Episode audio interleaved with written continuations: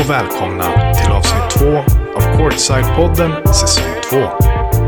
Tillsammans med dagens gäst ska vi bege oss från Luleå till Italien och därefter få besöka både Bulgarien och Tjeckien innan vi återvänder till Sverige där vi når avsnittets slutstation. Men vi kommer också att befinna oss i både Norrköping och Umeå under resans gång. Frida Aili har haft en karriär som flertalet gånger tagit henne utanför Sveriges gränser. Mestadels på gott, men ibland också på ont. För någonstans mellan skadebekymmer, skumma bostadsområden och problem med löneutbetalningar så finner vi en spelare som har närmare 100 ungdomslandskamper på sitt CV. Varav dessa innefattar ett junior-VM-silver och ett brons i junior-EM. Och med 74 seniorlandskamper på det så kan man utan tvekan säga att Frida har lämnat ett bestående avtryck inom svensk basket. Under alla sina år i basketligan fick hon dessvärre aldrig möjligheten att få lyfta mästarbucklan vid säsongens slut. Men med facit i hand efter allt det hon uträttat i landslagssammanhang och under sina utlandsäventyr så skulle nog de allra flesta ändå säga att hennes sex SM-silver och övriga meriter är guld värda. Hej och välkomna till Courtside-podden. Mitt namn är Fredrik Engström och alldeles strax ska vi lyssna på Frida Ailey och hennes långa och eh, framgångsrika karriär. Men innan vi kör igång så vill jag bara slå ett slag för vår YouTube-kanal där vi har lagt upp massa basketrelaterat material som matcher i SBL eller intervjuer med gamla spelare och eh, mycket nytt också som finns där. Så checka in den. Det är bara att söka på Courtside-podden på YouTube så hittar ni den. Och följ oss gärna på Instagram eller på Spotify och alla andra kanaler där vi finns. Eh, varmt välkommen till Courtside-podden Frida. Ja, men tack så hemskt mycket. Ja, vi är såklart jätteglada att ha dig här och du har ju verkligen varit med om rätt mycket. Bland annat 74 landskamper på seniornivå och ett U19 VM-silver. Ja. Men, ja. och mycket annat såklart. Men jag tänkte Mm. att vi tar det från början. Ja, nej men det känns jättekul att vara med. Men som jag sa till dig här innan också, så mitt minne är ju helt horribelt dåligt. så jag tror att jag tycker ändå att det här är roligare än vad du gör. För jag blir liksom, får bli påmind om allt Ja. kul och häftigt man har varit med om. Ja, vad kul. Eh, du är ju född i Luleå 1988, men uppväxt i stadsdelen Munkeberg. Ja, Hur var det att växa upp där? nej men det var underbart. Mm. Det lilla jag kommer ihåg, nej jag skojar. Nej men det jag kommer ihåg, alltså jag har haft en jätte, jättebra uppväxt. Eh, väldigt eh, liksom, lugnt område. Jag hade ju nära till skolan, hade mycket vänner. Eh, det var liksom lite så här alla barn i Bullerbyn-känsla på det hela. Ah, okej. Många som växte upp inom samma område, Mm. så vi var liksom jämt ute och lekte och härjade och plundrade. Ja, och så mycket liksom aktivitet och mycket sport och mycket bus. Så det var verkligen, ja, jag har haft en väldigt aktiv uppväxt ja. eh, i en aktiv familj såklart också. Men det, det jag minns är som sagt väldigt fint och härligt. Mm. Med tanke på att både din mamma Irene och pappa Bengt har spelat basket på ganska hög nivå och att båda liksom har representerat Sverige i landslagssammanhang så känns det ju inte som de skräll direkt att du valde basket. Nej, men alltså det, det, är ju kanske ingen skräll sådär, men, eh, men det stod ändå och vägde där ett tag. För jag höll på med mycket idrotter. Mm. Eh, Det var ja, men fotboll på somrarna, det var golf ett tag, Okej. ridning, dans, basket. Ja, Och när man börjar komma upp i den åldern att det liksom börjar ta mer och mer tid. De fick liksom mig att välja bort saker Mm. eftersom då. Men då var det dansen faktiskt som var kvar längst. jaha. Ehm, Parallellt med basket då eller? Ja, men exakt. Och då har mamma och pappa, alltså jag vet inte om det är mina egna minnen eller bara att det är att jag har fått det återberättat så. Mm. Flertalet tillfällen. Men de kallade till familjemöte, familjekonferens. Ja, Och då sa de, okej vet du, nu tar de här liksom, eh, aktiviteterna för mycket tid. Nu måste du faktiskt välja. Nu måste du välja en av Ja. dem. Och då sa jag dans. Och då avslutade de mötet. Det hände inget mer den kvällen. Det tog inga beslut. okej. Eh, ja, men ja, nej, så jag har ju fått det här att återberätta. Jag tror att det är mer det än att jag själv kommer ihåg det faktiskt. För sen blev det basket. Och jag tror mer att det var grupptrycket i familjen som gjorde att det blev så. Ah, okej. Minns du hur gammal du var när det här möt, familjemötet var då? Nej, alltså jag kommer faktiskt inte ihåg. Nej. Eh, jag tror att, vad har mina föräldrar sagt då? Ja, nej, men jag tror att, alltså kanske där 11, 12, 13 13 någonstans. Ja. Um, det var ju liksom i och med att så här, region och sånt började dra ah, igång som okay. det blev riktigt på allvar, höll jag på att säga, mm. men uh, som det upptog mer och mer tid. Men jag, jag körde ju också med väldigt många olika lag och sådär, så det är klart att basketen tog ju sin beskärda del ja. av tiden. Vilken typ av dans var det som du körde mycket? Alltså, jag, jag vet inte vad man kallar det. Ah, okay. Var det typ hiphop-dans eller street? Eller? Nej, det var typ mer sån här uh, modern dans tror jag man kallar det, jazzdans. Ah, okay. slags, ja, jag kan ju inte dansa överhuvudtaget. Jag kan definitivt inte dansa nu. Så att, ah, okay. ja, nej, så det blev ingen långlivad karriär. Men, men jag kommer ihåg att jag tyckte att det var fantastiskt roligt. Ah, okay. Uh, ja. Så mycket minns jag. Mm. um, för oss utomstående så verkar det som att basket har ganska hög status liksom i Luleå och kanske en av de mest populära idrotterna. Är det så att liksom alla unga i Luleå spelar eller i alla fall provar basket? Ja, alltså det... jag vet inte om alla unga testar och, och testar på basket så, men, men det är ju liksom fantastiskt för en så ändå ja, relativt sett liten stad som det är så är basket så otroligt liksom utspritt och grundat i liksom alla stadsdelar har lag i olika åldrar. Mm. Så det finns så himla mycket möjligheter och sen har det väl liksom, jag vet inte vad som är hönan och ägget, men, men intresset för basket har ju alltid varit så himla i Luleå. Ja. Så att eh, det har ju varit fantastiskt kul att få växa upp i det just när man spelar basket. Ja, jag förstår. Och att, att liksom spela i Luleå, det liksom medförde ju en väldigt, väldigt stolthet just för att det var så liksom, intresse mot det. Mm. Så att eh, ja, det har väl varit lite basketmecka och jag kan väl tänka att liksom det fortfarande är det till viss del. Mm. Eh, Luleå har ju alltid hållit liksom flaggan i topp när det kommer till basket. Så att, ja, Precis. Det är väldigt kul och det är någonting som man fortfarande ändå känner sig ja, men lite stolt över så. Mm. Eh, I ditt fall så fanns det ju inget lag i din årskull utan du fick ju börja spela med 87orna. Mm. Eh, och Vråken Basket är ju moderklubben. Ja. Vad skulle du liksom säga att klubben har betytt för dig och vad är det bästa med Vråken? Ja, alltså den har ju betytt såklart jättemycket. Jag hann ju spela där i många år och det var ju också, jag övertalade mamma och pappa att jag skulle få börja ett år tidigare då. Jag började när jag var sju. För att min brorsa spelade, jag ville göra allt som han gjorde. Ah. Så, men sen så hann det ju bli väldigt många år i klubben och vi körde ju liksom samma gäng. Jag och 87-tjejerna. Ja. Och vi, ja, nej, men vi hade så himla mycket roliga upplevelser, många kupper ihop, hade mycket Blomqvist mm. som coach och sen eh, min mamma var ju med på ett hörn där också och coachade. Ja, just det. Jag vägrade kalla henne för, för mamma, så jag kallade henne för coach eller någonting sånt istället. Jag ville hålla det professionellt. Ja, fattar.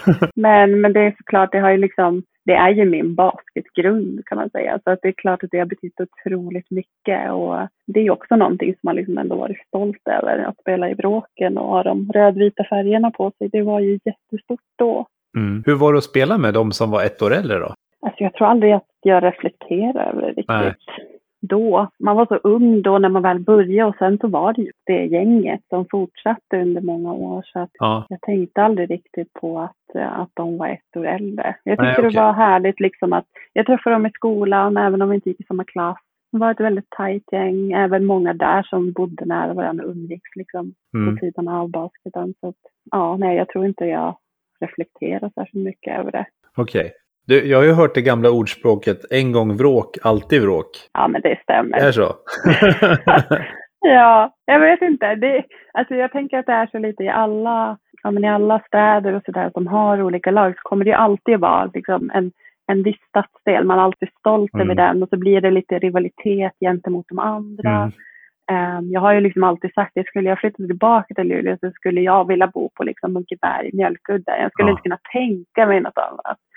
Eh, för det där sitter i. det är liksom en del av ens identitet. Och, ja. eh, så det stämmer mycket väl. Det du har hört är 100% sant. Är det så att man liksom eh, blir automatiskt vråk om man är uppväxt i Munkeberg, Tuna eller Mjölkudden? Nej, alltså inte automatiskt. Det är väl lite också kanske vart man går i skola. Alltså man kan ju välja att flytta. Alltså när man börjar högstadiet så kan man ju välja någon annan. Det är klart man kan byta innan dess också. Mm. Men så det är inte kanske helt automatiskt att man blir bråkare men jag skulle nog ändå tro att de flesta blir det just för att då bor man säkert i närheten och det är liksom mest tillgängligt. Så, Ja. så det har nog mer med det geografiska att göra Ah, än okej. kanske något annat. Ja. När man väl börjar tänker jag. Ja. Ja, men sen hann jag ju faktiskt också vara hökare ett tag. ja, just det. Hur uppfattades det av liksom bråkarna då? Blev de sura? Nej, det blev de inte, för det var, det var när jag började med, eh, ja, jag tror att det var när jag gick över till eh, Höken division 1, Ja. när jag lirade med det laget. Och lite innan att de tog in mig i något Hökenlag för att spela någon så här, eh, USM eller någonting. Aha. Vilket jag inte kunde göra med 87orna i Vråken. Så att Okej, då följdes jag ändå ganska naturligt och kändes Mm. det väl okej att släppa iväg mig och lira med dem. jag förstår. Ja, så det, det blev aldrig någon sån liksom sån, eh, du är en svikare. Eh, det fanns ingen rivalitet mellan de lagen, så att det, det Nej, var nog ganska okej. Eller så snackar de skit bakom min rygg, det vet jag inte. Men du, det finns ju som sagt väldigt många lag. Det finns ju Luleå Stars, Steelers, Höken, Gladan och många andra klubbar i Luleå. Mm. Och jag måste säga att jag är så sjukt fascinerad över liksom konceptet man har i stan. Att man har just en klubb i varje stadsdel som du var inne på. Och sen att i varje stadsdel så finns det fem vuxna människor som sitter i en styrelse som engagerar sig för basket. Mm. Och det tror jag liksom är alltså, en väldigt bra grej. För att jag tror att om man bor i en stad där det bara finns så här KFUM eller någonting. Då är det inte så många som jobbar för basketen i stan. Det är fem stycken i styrelsen och sen är det skitsvårt att få tag i folk. Liksom. Ja, nej men det är verkligen helt otroligt och att det har varit ja, men under så, så himla lång tid också. Ja. Jag menar, bara det i sig öppnar ju också tillgängligheten för basket, för ungdomar att liksom komma och testa basket. Ja, men Att, verkligen. eh, ehm, och det i sig är ju någonting helt fantastiskt. Det är klart att det också kommer att medföra liksom ett ännu större intresse att fler börjar och liksom fastnar för sporten. ja, Ehm, men, men det är som sagt väldigt, jag tror att det är lite unikt för en, en stad i liksom samma storlek som Luleå. Ja, men det är så häftigt också liksom att de här då elitklubbarna som BC Luleå och Luleå Basket, att man börjar ofta i en mindre klubb, vilket gör att de sen blir sugna på att gå på matchen och kolla på sina gamla spelare som har kommit från sin egen klubb. Alltså det blir ju så mycket publik då på grund av att alla vråkare kommer att kolla på den vråkaren som spelar i BC eller i Luleå. Och så vidare. Ja, ja men precis. Jag var inte riktigt med på vad du menade där, det var därför jag var så. Aha, Eh, men nu förstod du vad jag menar. eh, ja, jo, jag tror det. Ja, nej men ju- just att liksom, vad ska man säga? Att man blir stolta för de spelarna som sen går till elitlaget. Alltså, de spelar ju inte vråken i, i SBL dam eller herr liksom. Nej, Utan nej men precis. man börjar i en liten klubb och sen Eh. går man till stadens lag. Och så hejar alla på det laget ändå. För att det finns spelare då som har representerat sin egen klubb. Ja, men så har det ju alltid varit också. Alltså det har ju varit, alltså, hem, om man ska kalla det för hemmaprodukter och sådana som är unga och som folk redan har sett i ungdomsåren. Mm. Det brukar ju alltid locka också extra publik till Luleå Basket och sådär. Och eftersom det finns en sån stark baskettradition så är det ju liksom varje år så är det ju några egna produkter som kommer upp. Ja, och absolut då att det blir liksom, ja men det kommer några bråkare och så här hejar fram deras bråkare Ja, men precis. som spelar för Luleå Basket. Och det är ju otroligt härligt faktiskt. ja. Jag kan dra ett exempel här i stan så är det ju, det finns ju ett la- hockeylag som heter Vik och ett lag som heter liksom VSK i bandy. Och de, Mm. alltså många av de fansen hatar ju varandra för att man hejar på fel klubb. Mm. Eh, Så att det, Västerås är ju en ganska liten stad så att det är ju så synd att man inte kan, alltså det är ju två helt olika idrotter men då blir det liksom Mm. konkurrens för att förr i tiden så var det mycket rivalitet och det hänger kvar liksom. Så det är det jag gillar med det här. Ja, och det är så märkligt. Det, ja, men det är så märkligt det där liksom hur rivaliteten Ja. växer fram och hur jag än idag också verkligen kan känna mig liksom, ja men jag känner verkligen en genuin stolthet över att ha varit bråkare. Mm. Alltså. Eller då att vara liksom Lulebo i grunden och ha spelat i Luleå Basket. Det är också en, en stolthet Ja. som jag har och bär med mig. Eh, Men då är det ju mer rivaliteten gentemot andra klubbar i Sverige som, som styr. Ja, men precis. Men jag tror, jag tror att det anledningen till att det kanske inte blir så i Luleå är ju just att de, man börjar alltid i de mindre klubbarna. När man är barn börjar man ju inte i BC. nej, nej men absolut. För då, då hade det ju Eh, varit så att nej, jag håller på BC, jag håller inte på Vråken. Alltså, Nej men exakt. Nej men det är väl, det är ju bra i sig att de är liksom fristående och inte Mm. har så många, eh, att, man, att man jobbar sig upp mot det och då blir det liksom där man träffas på Luleå Basket. Precis. Det blir liksom det gemensamma, ja, det laget man hejar fram men kanske då från olika, olika perspektiv och olika stadsdelar. ja, verkligen. Eh, men tillbaks till Tunaskolan då, vad minns du från det här 87-laget? Nej men jag minns ganska mycket och jag minns hur många timmar jag spenderade i den där hallen. Ja. Jag vet att de brukade, många i de andra lagen, liksom de äldre 85orna, 84orna, 83orna, de sa att i början så undrade de ju vem den där lilla plutten var som alltid var där och stod och kastade en boll i något hörn. Och liksom. Ja, och sen, eh, nej men jag kommer ihåg så mycket från det. Jag vet inte varför, det är verkligen så starka minnen. Mm. Eh, Jag var ju superliten. Eh, Jag började växa väldigt sent. Ja, ett supersmal, eh, kortaste gänget. Mm. Eh, och det var jag och en annan tjej, Anna-Lisa, eh, som, eh, alltså vi ville bara springa och göra poäng. Ja. Det var det enda vi ville. Och sen hade vi liksom några, ja men så här klassiska brunkare som gör allt det här Mm. hästjobbet. De sätter hårda screens, de tar returer, ja, de spelar försvar, de knockar ner folk i de i, liksom rivallagen här. Så att vi småttingarna kunde bara springa och vara intensiva och ehm, göra massa poäng. mm. Men vi hade otroligt, alltså vi var ju ett otroligt bra lag. Jag minns att vi vann, vi vann väldigt mycket. ja. Ehm, och hade väldigt kul. Det var väldigt liksom prestigelöst på något sätt. Vi Ja. ville verkligen bara ha kul och lira ihop. Mm. Det är i alla fall min, liksom mitt minne av det. okej. Jag vet att det blev lite snackis för när 88-gänget kom till, då var ju Micke Johansson coach för dem. Ja, Och de var ju de här, de liksom framtidens lag och så. Och då blev det nästan lite rivalitet mellan våra två lag. För att här, vi var ju också duktiga. Och ja ville. Men sen var ju jag då 88, men jag var 87 så det blev lite ja, just det. det blev lite spänd stämning där ett tag. Hade du någon plan på att kanske börja spela med 88 när det startade? Eller du kände dig trygg i den, det lag du hade börjat kanske? Ja, alltså jag vet att jag kanske var och spelade någon turnering med 88 och sådär. Mm. Som jag liksom inte hade fått spela om jag, eftersom 87 inte var med i den. Ja, Men i övrigt så, eh, ja, det, det jag kommer ihåg i alla fall så var jag liksom ändå ganska, ja, jag var hemma i det laget och hade spelat med dem Ja. länge så att det var liksom inte eh, ett svårt beslut så att vara kvar. nej jag förstår. med 87 ja. För i 88-laget så spelade ju bland annat dina lagkamrater från U19-VM, Frida Gran och Eva Häggmynti, eller hur? ja, precis. Spelade ni några matcher ihop eller kom de upp till 88 ibland? Nej, 87 menar jag. 87 nej. Um, alltså jag tror att jag spelade med dem några matcher så. Mm. Men det var inte så mycket att vi lirade ihop innan liksom landslagssammanhang. Nej, eller okej. region. Ja, Det var väl först då som vi verkligen ja, fick lira tillsammans. Men som sagt, minnet kan svika också. ja, jag fattar.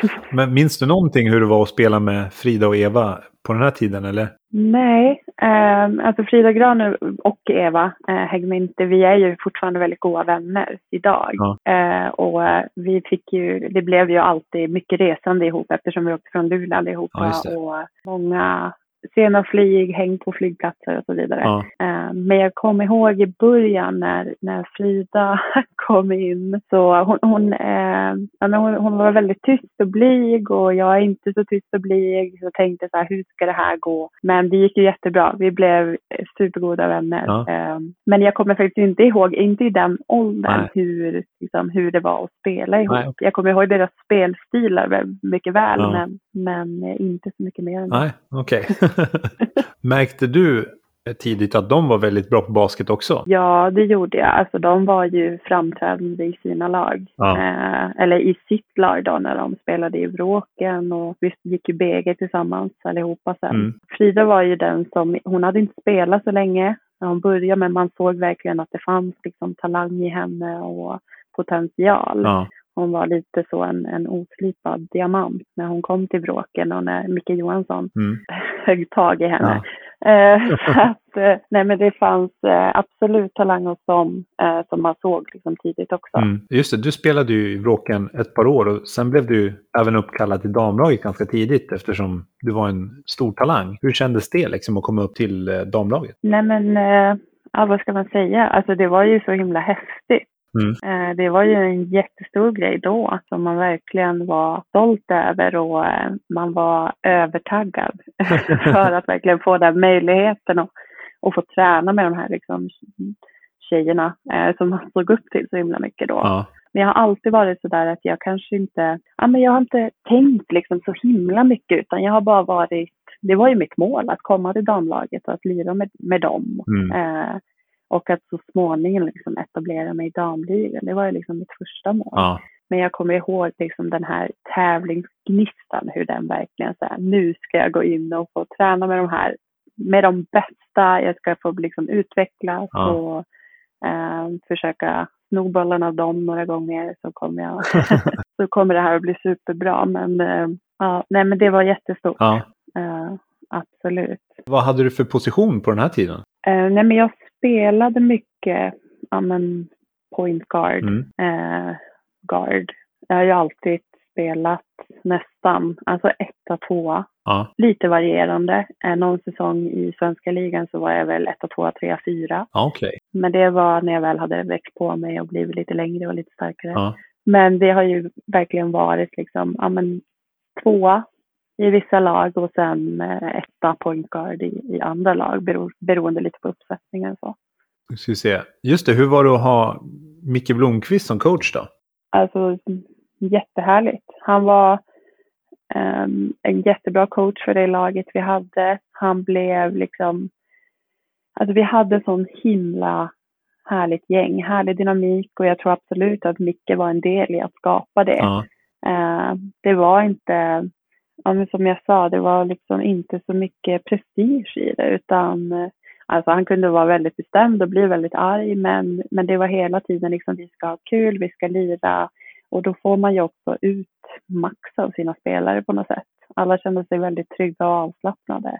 Så jag tror att det var därför också som, som vi ja, men verkligen kunde njuta och ändå prestera och göra bra ifrån oss. ja, Ehm, ja. jag förstår. Eh, jag tänkte att vi ska lyssna lite på vad han har att säga här Oj, om hur det var att ha dig. Kom, kommer här. Hej, Micke Blomqvist här, din gamla tränare. Jag har tränat Frida i först sju år som ungdomsspelare, sen blev det ett år som senior. Eh, Hon är en eh, fantastisk människa och en fantastisk basketspelare. Frida började med oss, hon är ett år yngre, så att jag tränar flickor 87 ett år. Och då kommer Irene Aili, Fridas mamma och en liten blond tjej till en träning och frågar om hon kan få vara med och börja träna med oss fast hon var ett år yngre. Jag hade inte en aning om vem Irene var så att jag, ja det ska väl gå bra fast hon är ett år yngre. Och just nu håller jag på att träna layup. Man tar två steg höger vänster och så lägger man upp bollen i det lilla hörnet där och så det blir planka i. Och Irene, ja vad bra att ni är så. Och det gick en vecka och sen får man höra att Irene har spelat på väldigt hög nivå, både klubblagsnivå och eh, landslag. Men jag tycker bara det visar hur familjen Ailey är ödmjuka fantastiska människor. Frida var alltid en spelare som var seriös, tränade hårdast. Märkte tidigt att hon hade väldigt höga mål med sitt basketspelande och hon kom ju väldigt, väldigt långt. Som jag sa, jag hade hon i sju år och hon var en bra kraft. Att det drev mig också att utvecklas alla spelare i laget. Så man hade Frida som var där och tryckte på och ville hela tiden bli bättre och ha bra träningar. Och ställde krav på sig själv och på tränarna och på laget. Men var väldigt positiv. Klankade aldrig ner på någon annan eller någonting. Utan en eh, otroligt fin lagspelare. Sen tycker jag det är fantastiskt att eh, 2014 så återförenas vi i You Dominate Basket. Så att det är som att sluten cirk sluts där och det var ett otroligt roligt år där jag coachade Frida på högsta nivå. Eh, nej men Frida är en eh, otroligt god och glad tjej som var fantastisk på basket. Och jag önskar dig all lycka vidare i livet. Ha det gott, kram! Ja, Alltså så fint, mycket. Jag satt och skrattade när han beskrev hur mamma kom in med en liten blond tjej. ja. Nej men så fint. Ja. ja. det är svårt att hålla sig när man själv typ har spelat landslag men hon gjorde det bra. ja, ja, verkligen. Ja. Nej men det är verkligen, vi har haft en himla just den där, de där åren och det, det har verkligen gjort att så här, Micke har liksom alltid känt lite som en storebror på något sätt. Ja. Eh, alltid legat väldigt liksom, nära hjärtat. Och, mm. Så det var väldigt, väldigt fint att höra. Det värmde ja. mitt hjärta väldigt mycket. Ja, Vad är det mest minnesvärda från din tid i Vråken då? Ja, alltså vi hade liksom några riktiga så här, rivaler. Jag vet inte varför det blev så, för det var inte liksom i Luleå, utan vi hade och var ett av de lagen. Ja. Och sen var det Övertorneå. Okay. De hade ett väldigt bra lag det året. Och det var mycket så här, liksom, finaler. De hade ju så här, lilla VM uppe i, i Gällivare. Och, och det liksom slutade alltid med att vi mötte någon av de lagen. Eh, ja. Ofta Övertorneå. Okay.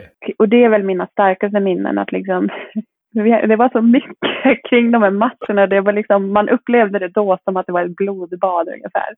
Okay. Och eh, sen var det ju också för att vi vann många av de matcherna, som man minns med, med glädje. Ja. Um, men det var riktigt, uh, det var riktigt uh, tuffa matcher. Nu har jag en gammal vän som spelade i, i Råneå bland annat och hon kommer ihåg precis samma sak. Att det var liksom blodigt allvar när, när vi mötte dem och det andra laget. Då. Ja. Men så att det är väl mer ett, ett generellt minne så. Men eh, ja, det var, vi liksom verkligen, vi taggade upp så mycket varandra också inför det just för att det var den här rivalitetskänslan som var så stark. Ja. Eh, så många sådana duster. Mm. Det är nog det jag kommer ihåg allra mest. Ja. Efter att du hade haft eh, Micke Blomqvist och sådär i Vråken så var det ju dags att börja pendla till Hertsön. Du spelade för Höken mm. en sväng. Hur, där hade du Robert Sundling som coach va? Ja, Robert Sundling. Ja. Och det var, alltså det var ju liksom snäppet innan Luleå Basket. Eh, det var i sig också ett stort kliv. Lira division 1 var kanske ett ännu större glapp mellan liksom det, jag, det jag kom ifrån. okay. Som var mer ungdom, junior och sen kliva upp till division 1 då. Ja. Och där lirade jag med liksom några av dem som lirade i ligan senare också som var duktiga. Alltså Jenny Andersson, eh, Fia Ottonen. Okay. från Kalix va? Ja men precis. Ja. Och de såg jag upp till väldigt mycket då också. De, jag tyckte de var otroligt duktiga. Alltså jag mm. var verkligen så här, wow, det här är en helt annan nivå. Okay. Så det var extremt lärorik. Eh, ja. Jag tror att jag växte väldigt mycket som spelare. Just det, det klivet mm. blev liksom ett, ett lite större utvecklingssprång. Ja, jag förstår. Och då blev det också USM tyckte du sa, eller var det Scania? Um, det var inte med det. Nej, okay. Alltså det laget var division 1. Sen lirade det med Ja, det var alltså någon cup kanske? Juniorlaget eller vad man kallar det, ungdomslaget i Höken. Ja. Så lirade jag, om det var då något USM eller något kanske. Ja, jag tyckte du sa det i början att det var därför, en av anledningarna till att du bytte till Höken var för att du kunde vara med på någon, om det var någon kupp eller om det var någon, någon USM, jag minns inte. Ja, men då var det inte med. Robert Sundling var bara coach för division 1-laget. Ah, Okej, okay. ja sorry. Men... Uh, nej, ingen fara. Det är snurrigt. Jag har hunnit göra många vändor fram och tillbaka. Jag tycker fortfarande att du har väldigt bra minne, fast du sa att du hade jättedåligt minne. Så det känns som att du har koll ändå på det här. fasen alltså. Det känns mer också när du frågar så här, ja men hur var det att spela med dem? Jag bara, ja, ja men det var kul. mm. Så inte så jättespecifika minnen och så, men jag kommer ungefär ihåg i alla fall, vad heter det, ordningen på det hela. Ja. Ja, men det är bra. Det är, det är viktigt för den intervjun. ja, precis. Men efter Höken sen så blev du ju BG Luleå som är ett av Sveriges bästa basketgymnasium. Ja. Hur var det att gå där?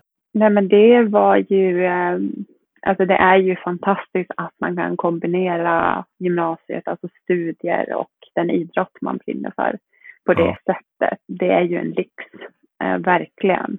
Mm. Så det var, det var jätte härligt och det blev ju liksom en familj under gymnasietiden på ett sätt. Ja. Eh, så man kanske, jag tänker att man kanske inte får den på samma sätt om man är i en klass med, ja, det är inte säkert att man hittar sina liksom, kompisar och sådär i en helt ny klass, men vi var ju tillsammans hela dagarna. Vi gick från träning till ja. lektioner och så vidare, så att det blev verkligen en, en tajt grupp. Ja. Um, så nej men det var jättehärligt. Sen kommer jag ihåg de här, eh, de har ju sådana här tester. Um, både fystester och en intervju som för intaget till Mm. basketgymnasiet. Och jag kommer ihåg hur fruktansvärt nervös man var inför det här, men de hade ju skrämt skiten ur en att man skulle genomgå någon hemsk eh, detaljerad intervju och eh, ja, de här fystesterna och sådär då. Eh, Ja. Men det var ju inte faktiskt, det var faktiskt inte så farligt som eh, de hade skrämt en med. Det kanske var mest min brorsa också, för han hade ju gjort det där innan, så jag vet inte om det Ah. var från honom det kom. Mm. Gick han också Men- på BG eller? Han gick också på VG, Ja, okej. eh, men han gick ju då sista året när jag gick första året. Mm, okej. Ja, så jag fick en snäll nollning kan vi säga. Jag tror mycket det var på grund av att jag hade en storebror då i tredje Ja. ring. jag förstår. Ehm, men jag vet att nu för tiden tar man bara in fem stycken per årskull. Men visst var ni tio stycken när ni gick? Vi var åtta tjejer och åtta killar. Ja, okej. Och de hade ju också regler på hur många från Luleå man fick ta in då.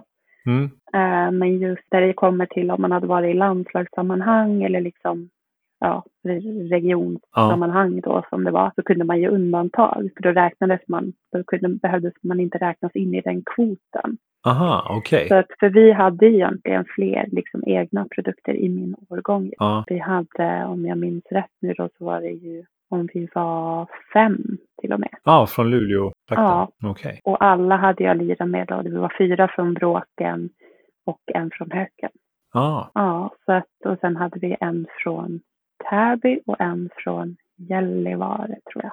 okej. Mm. Så att man gjorde ett litet undantag just den, eller man gjorde inget undantag, så var reglerna. Hade man varit eh, inblandad i landslagssammanhang på något sätt så kunde man ändå få komma in. Ja, uh, okej, där ser man. Ja, just det. När du, när du går på gymnasiet då, så i slutet av juli 2006 så var det ju dags för U18-EM på Teneriffa. Mm, ja. Och eh, kommer du ihåg vilka som var med i truppen? Ehm, ja. Eh, på ett ungefär. Ja. Alltså du får ju gärna säga så kan jag eh, hålla med. ja, det var väl eh, Frida och Elin Eldebrink och Ja. eh, Kalis Lloyd. Och sen Ja. vråkarna Frida Gran och Eva Häggmynti. Mm. Och sen Sofia Klackenberg, Hanna Johansson, Agnes Nordström och eh, Lolo Halvarsson, Jenny Lidgren och Malin Edlund. ja, men det låter som att det stämmer. Ja, jag håller med. vad bra. Enkelt.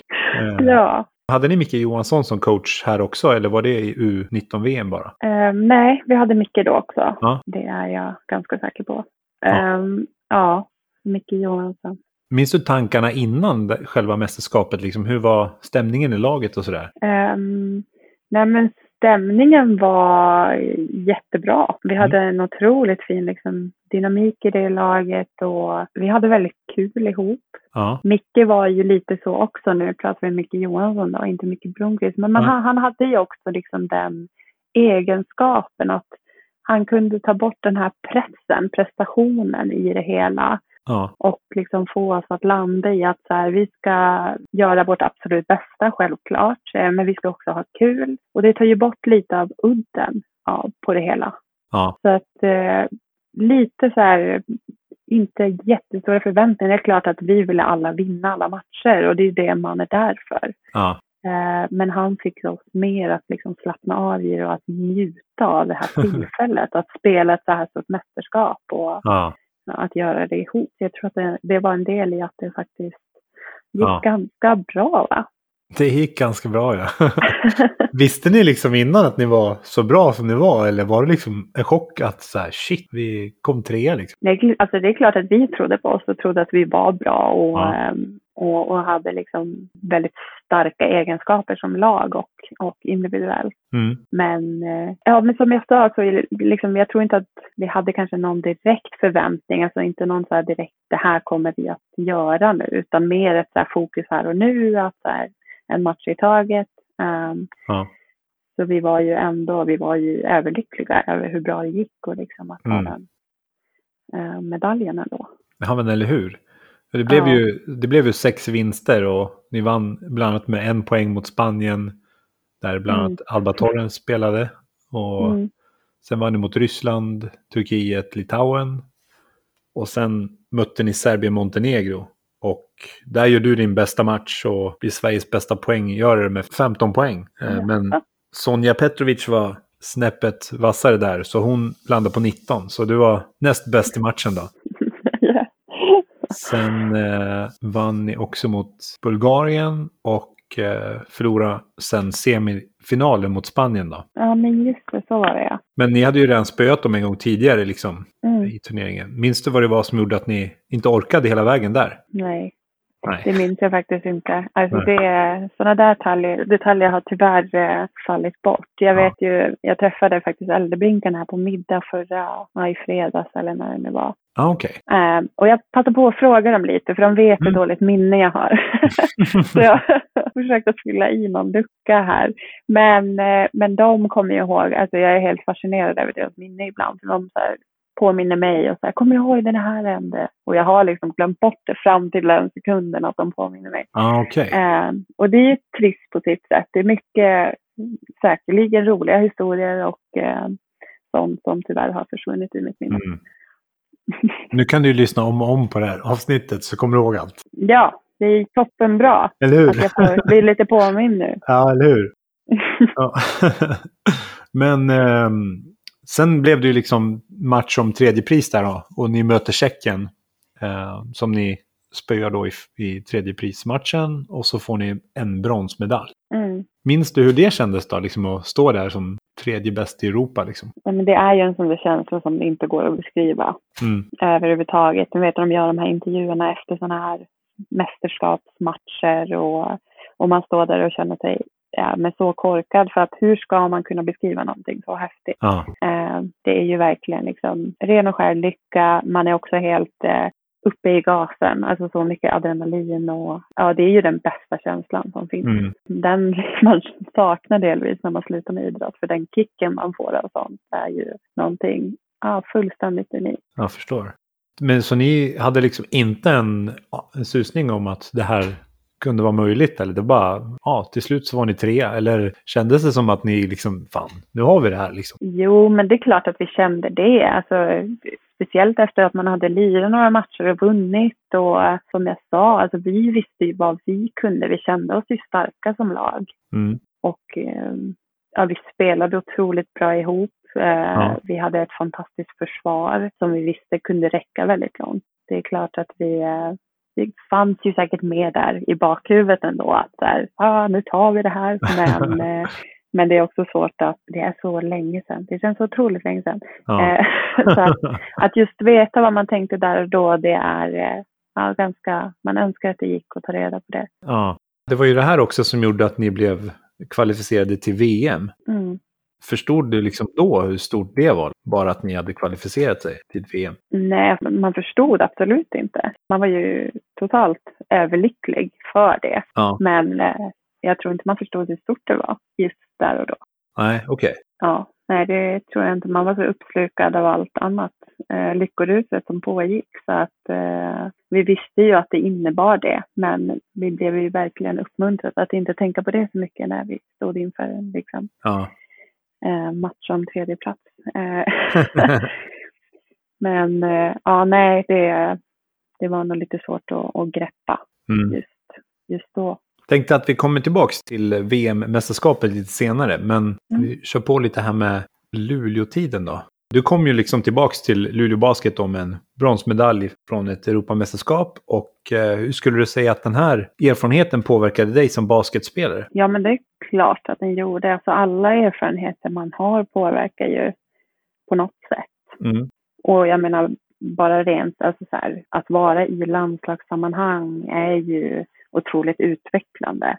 Och att spela ett sådant mästerskap dessutom. Ja. Det är klart att man, man får mer skinn på näsan. Man vet mer själv vad man går för. Det är klart att det liksom höjer ens självförtroende liksom i relation till svenska ligan också. Mm. Eh, men det har ju bara mer att göra med att man, man utvecklas och ställs inför tuffare motstånd och får, Ja. får öva på, på de liksom, situationerna. Och Mm.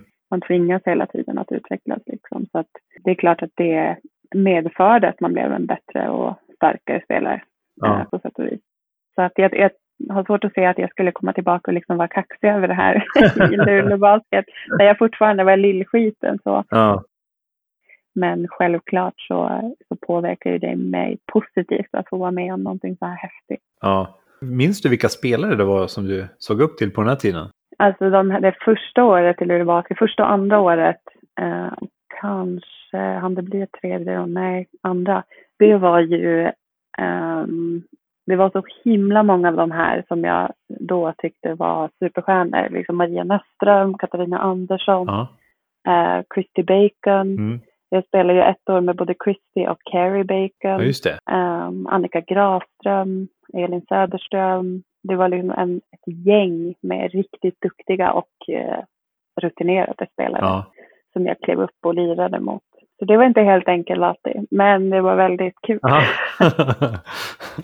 Ja, Christy Bacon kan inte vara lätt att möta. Nej, gud nej. Sen har jag ju fått, haft ett otaligt mängd liksom, kamper mot henne och det gör ju ont. Ja. Det är både själ och kropp. Jag förstår.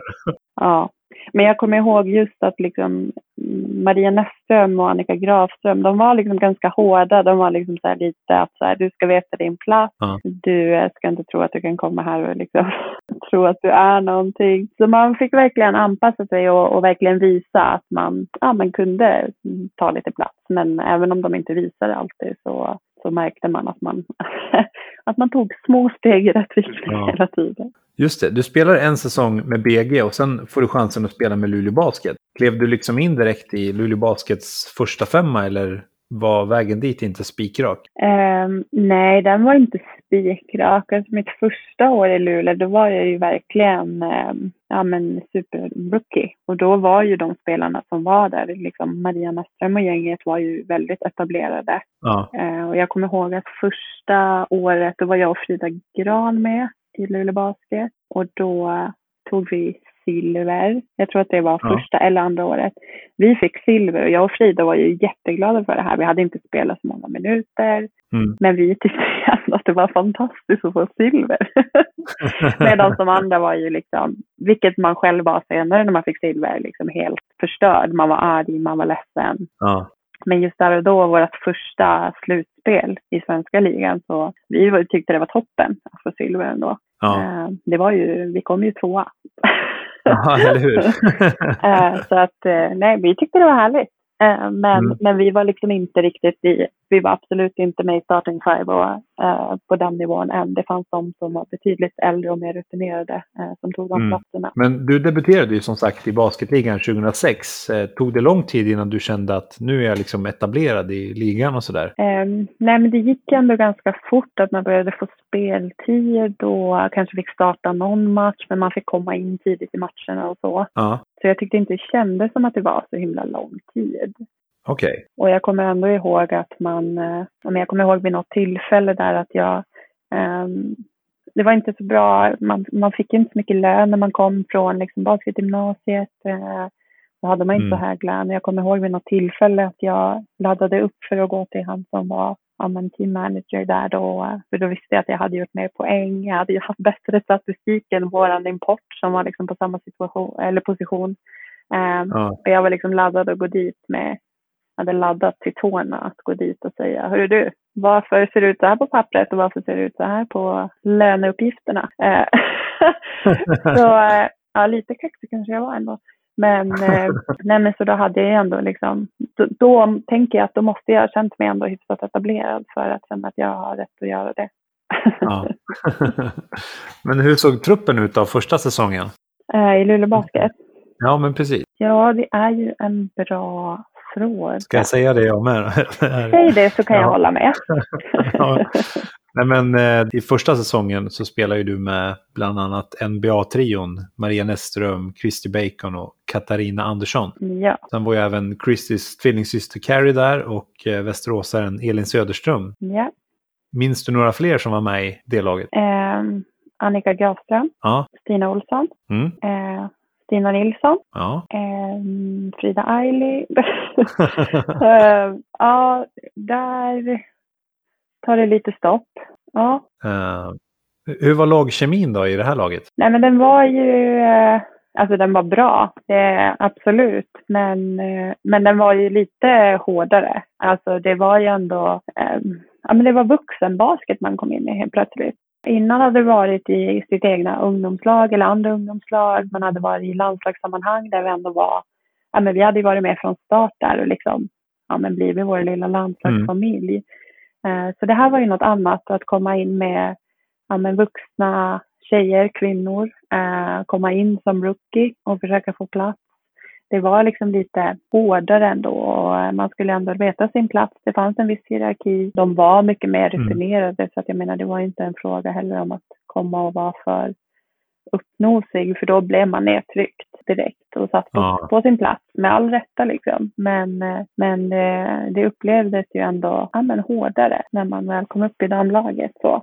Men, men sen är de ju fantastiska människor. Det blev ju ändå, ja, man lärde känna varandra. Maria Näsström var ju en fantastisk liksom, ledare och när hon väl gav liksom en komplimang eller gav ett tips eller så lyssnar man ju. Alltså jag tog det på fullaste allvar för jag visste att nu kommer någonting bra och om hon sa någonting som man hade gjort bra så liksom så värmde det ju ända ut i tåspetsarna. Just för att man hade sån respekt för henne som spelare och som person. Ja. Så att det, men det var, det var väldigt roliga år också. Det var också väldigt, ja, men otroligt utvecklande att få, få se dem, att få spela mot dem och med dem och uh, att få springa in i Christy Bacon några gånger, det gjorde ju en mer hårdhudat liksom. ja. ja, jag såg ju henne på gladiatorerna sen. Det måste varit tufft för dem som var med där och ja. in i henne. ja, alltså jag hade aldrig ställt upp i det om hon fortfarande var en gladiator, men möjligtvis om hon slutade och de fortsatte programmet, då hade jag kanske ställt upp. Okej. Okay. um, ehm, men det var ju den säsongen också när jag spelade med både Carrie och Christy. Mm. Fast jag har aldrig haft så mycket blåmärken i hela mitt liv, det är jag helt övertygad om. Det spelar ingen roll, om jag sprang in i dem så var det ändå jag som flög. Så att det, ja nej, jag var helt, det var, det var många gånger som man var helt blåslagen där. Ja. Men hur var det liksom att spela med NBA-trion då? Vad, vad kände du liksom att du du måste ha lärt dig massor och få liksom, ja, spela med, med dem liksom, som har så mycket rutin. Ja, nej men det var ju alltså allt från minsta detalj. Man lärde sig, alltså rent eh, strategiskt lärde man sig massor. Man var ju tvungen att hela tiden pusha sig själv eh, till det yttersta, liksom teknikmässigt, fysiskt. Man hade ju alltid någon som var lite bättre än en. Så det, mm. det triggar ju verkligen mig. Jag är ju en tävlingsmänniska deluxe i grunden. Mm. Uh, så att det gick ju, alltså jag var ju tvungen att komma varje träning fullt mm. liksom fokuserad och laddad. För annars så skulle jag bli överkörd. För de var ju bättre än mig. Och jag menar det om någonting är ju utvecklande. Ja, verkligen. Um, ja, men det, det, märker man ju själv när man spelar med folk som är bättre. Det, man blir ju så sjukt mycket bättre själv bara genom att ha det ja. Ja, motståndet. Liksom. Ja, men absolut. Och, nej men, eh, och jag menar successivt så de tog ju mig verkligen under deras vingar också. Och mm. äh, verkligen, det var, liksom, det var ju absolut inte bara hårt, det var ju också väldigt mycket fint och att mm. de verkligen tog sig tid att, liksom, att stötta en och äh, lära upp en och ge en de där tipsen som man ändå hade nytta av. Så att ja, men det var en, en supergivande tid och jag är så, jag är så glad för det också med Luleå, att, det, att, mm. det, att jag hade möjlighet att få spela i sånt lag, för liksom min första erfarenhet i damligan. Mm. Ni vinner ju SPL dam det här året och skramlar ihop 36 poäng och sen får ni möta 08 Stockholm Human Rights i finalserien. Ja, var det mitt första slutspel? Ja, men precis. Ja. Första året du var med så mm. kom ni till final där. Men eh, det är ju ett lag som vår sjätte gäst i podden, Martina Stålvand, spelade i. Ja.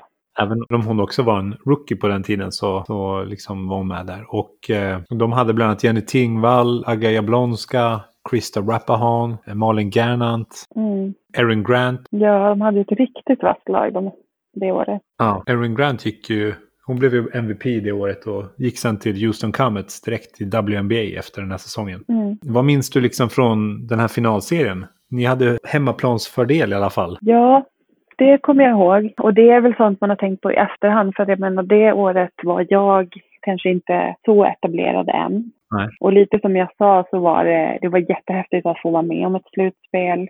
Jag kände mig ändå ganska, alltså jag var jätteupprörd också när vi förlorade finalserien. Jag var absolut inte i samma grad av ilska, eh, ledsamhet som de här etablerade spelarna var. Nej, jag förstår. Jag var ändå hyfsat nöjd över kanske vad jag hade presterat, även om det inte var något mycket. Jag tyckte mm. att det var en häftig upplevelse. Så att jag tror att min bild absolut såg betydligt annorlunda ut än till exempel Maria Näsström. Mm. För den besvikelsen och den pressen som jag kände att de hade på sig utifrån hemmaplansfördel, stort intresse i Luleå. Den fick jag ju också känna på senare. Så att det är mer i efterhand som jag kan sätta mig in i deras, Ja. deras känslor vid det tillfället. Ja, det måste vara riktigt frustrerande. Men i alla fall när säsongen var slut så väntade ett nytt landslagsuppdrag, nämligen U19-VM i Slovakien. Ja. Och ett mästerskap i basketkretsar som är känt som bragden i Bratislava. För det första måste jag bara fråga, liksom, hur var känslan över att ens vara kvalificerad till ett VM? Det, må, alltså, det går inte ens att sätta sig in i. Liksom. Nej, det gör det inte jag tror inte att vi kunde göra det fullt ut då heller. Alltså jag menar det är ju, ja men det var så stort. Eh, Ja. vi var ju, ja det känns som att jag är en broken record nu men jag menar hur ska man beskriva det? Eh, Ja. Det var bara så himla fantastiskt att få vara med om och att komma dit och se alla de här lagen. Jag träffade en, en av de största spelarna i USA i, i hissen vid ett tillfälle. Maja Moore eller? Nej, det är en av deras centrar. Eh, Chantal Lavender kanske? ja, det var det. Och hon, hon tittade på mig och frågade, frågade om jag var funktionär. och då sa jag med lite skakig röst typ nej jag spelar för Sverige. Och hon bara, ah, Switzerland, så den klassiska. Jag bara, nej Sverige. Alltså hon visste knappt att vi var där som lag. Ja. Eh, och det säger väldigt mycket också om att... Eh, Du bara, vi ses i finalen. ja, om jag hade vetat då hade jag sagt det.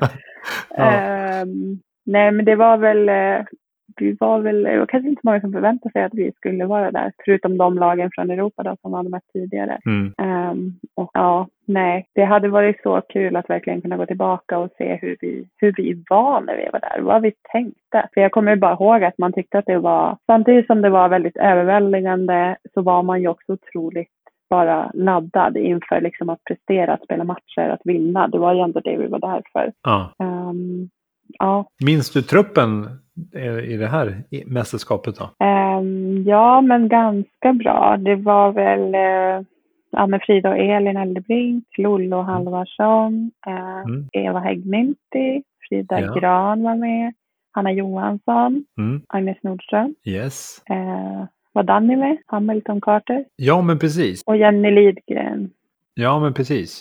Och Malin Edlund. Ja, och sen var det en till. Nej, vad taskigt. Har jag missat någon? Det var ju alltså från U18-EM så var det ju Sofia Klackenberg och Kalis Lloyd som var skadade. Just och då det. kom ju Daniel Hamilton Carter in och en till. Vem är det jag glömmer? Stephanie. Iderström. Yes. Ja, ja men precis. Eh, det känns ju så självklart när du säger det. Men man har Ja. spelat med så stor mängd uppsättningar och spelningar och plus ett dåligt minne på det så du kan ju tänka dig. Mm. Eh, ja, Men som sagt, ni hamnar ju i grupp D och fick möta Brasilien, Australien och Mali. mm, Och eh, ni började med att spöa både Mali och Brasilien. Och sen kom Australien där. Och, ja. ja, det var, ni kanske inte var riktigt beredda på hur, vilken kvalitet de hade. Eller hur kände du liksom att det var stor skillnad mellan de tre lagen? Ja, jo men det eh, kände man ändå. Mm. De var otroligt långa och spänstiga Ja, duktiga.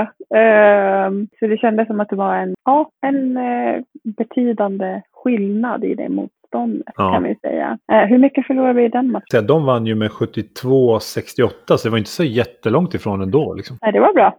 Det är riktigt bra. ja.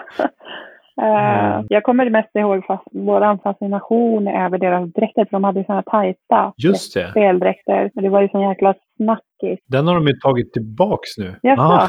Jag tror att det var några, några spelare som saknade den, så tog de tillbaks den här förra mästerskapet. Ja, ja, men det var en riktig snackis att man så här, vid den här sista kvällen så brukar det alltid vara att man går och byter linnen med folk och sådär. Ja. Det gjorde man i alla fall då.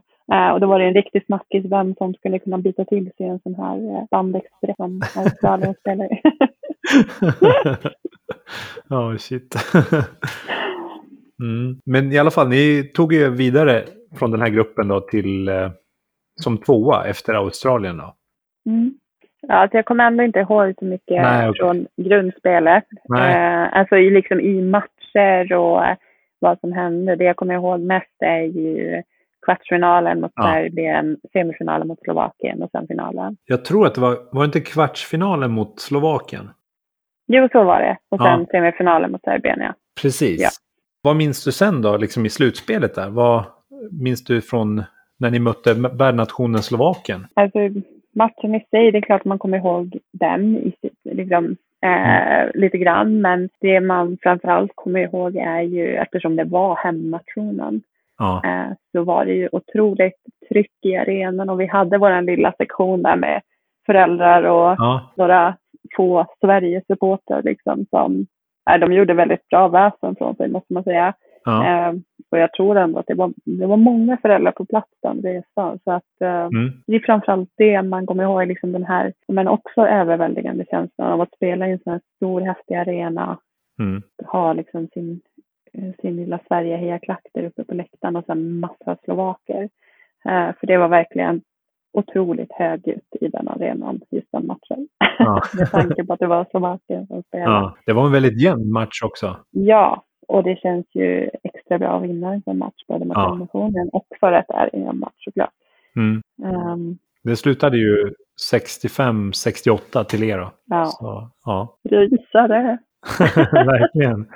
Och sen semifinal mot Serbien då. Ja, det var ju en ja, men så häftig match. Ja, Mycket av den, det finns ju en sån video fortfarande. precis. På YouTube va? Ja, och den videon sammanfattar så himla bra hur mycket känslor det var. Vi hade ändå mött Serbien många gånger Ja. eh, och spelat mot liksom Sonja Petrovic, eh, Maja Milkovic och de här eh, Mm. flera, flera gånger. Så det var väl lite, ja men liksom liten uppbyggd rolitet där vill jag säga också. Ja, Och sen hade de ju den här fantastiska äldre mannen som coach som står och hoppar och flyger och flänger och blir varnar för att han hela tiden kliver in på planen. ja. Den videon sammanfattar så väl hur mycket känslor det var i den matchen och hur mycket lycka det är eh, Mm. och hur mycket vinnarvilja det finns. Mm. Både från våran sida men från Serbien. Ja, den tycker jag verkligen att ni som lyssnar måste gå in och checka. Den finns på Svensk Baskets eh, YouTube-kanal och det är från U19-VM då mellan Sverige och Serbien. Ja, ja, jag brukar slå på den ibland när jag känner mig ledsen eller någonting så brukar jag slå på den och bli glad. ja, jag förstår.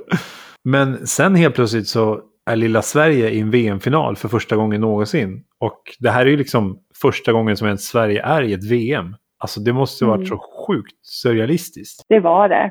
Alltså vi efter, ja men får se då, kvartsfinalen Ja, så kommer jag ihåg att vi var ute, kvartsfinalen då mot Slovakien så var vi ute och käkade och liksom, det var liksom som firarstämning. För jag tror ändå inte vi hade förväntat oss att ta oss till så långt. nej. Jag vet att vi hade som första mål, det var att ta oss igenom första gruppen, för då fick man vara kvar hela mästerskapet. Ah, okej. Om man åkte ut där så hade man fått åka hem. Då hade man inte fått stanna eh, där i Bratislava då, eh, för Mm. resten av tiden. Så det var liksom vårt första mål. Ja, Eh, och sen är plötsligt sitter vi där och har vunnit en kvartsfinal och ska spela semi mot Serbien. ja, Så det var verkligen liksom så här lite firarstämning i luften. ja. Sen kom vi ju ändå jättefokuserade till semifinalen. Eh, uppenbarligen så gick det ju vägen. Men alltså, jag tror inte man sov mycket de nätterna. Både Nej. efter kvarten och efter semin och så ska man liksom upp i en final mot USA. Det ja. eh, var verkligen lite surrealistiskt. Ja, men eh, ändå bra att man delar upp det liksom i delmål och sådär. Att eh, inte så här, vi ska vinna direkt så här, utan man verkligen så här, ja men ta sig vidare från första gruppen. Där har vi Ja. första målet och sen bara bygga på sen liksom. Ja, ja, men jag tycker att Micke var bra på det. Att, att få oss att tänka bort liksom all kontext, allting runt omkring. Eh, Ja. Om saker liksom beror på en vinst eller en förlust, eh, Mm. resultat liksom, som man ändå inte kan påverka. Han var verkligen mycket liksom här och nu, vi ska fokusera, vi ska fokusera på det vi gör bra. Och om vi fixar det så ja, får vi se hur långt det räcker. Mm. Och det är ju något slags lugn i det. Ja, men verkligen. Man har ju Eh. hört talas om vissa coacher som verkligen så här visualiserar eh, när man hänger guldmedaljen runt halsen och så där och klipper nätet och övar på det innan. Men Mm. Mi- Micke verkar inte vara alls så. Han tänker inte alls på liksom vinst, vinsterna så, eller? Han är... Nej, men det, jag menar, det kan man göra och till viss del så är det klart att han säkert tänkte att, jag tror att han trodde på oss, att det kunde Ja. räcka väldigt långt. Men han var bra på att få oss Så att, att Ja, fokusera på det som, som fanns liksom framför oss. Ja. Ehm, och, det är ju viktigt. Jag menar, annars så kommer man inte fullt fokuserad på uppgiften heller. Nej, nej, men så är det ju Eh. verkligen. Ja, det är ju skithäftigt. Vilken grym coach han måste vara som bara liksom får er att, ja men, ja men bara det att det är första gången så här. Mm. Själv hade man ju varit nöjd med att vara kvalificerad till VM. Liksom bara yes, I made it. Ja men precis. Och jag vet att det var någon, vi hade någon eh, träning, vi hade någon liksom shoot-around eller eh, bara någon så här kort träning som skulle vara innan någon match under ja, VM och också under EM Mm. på, på den här riffa.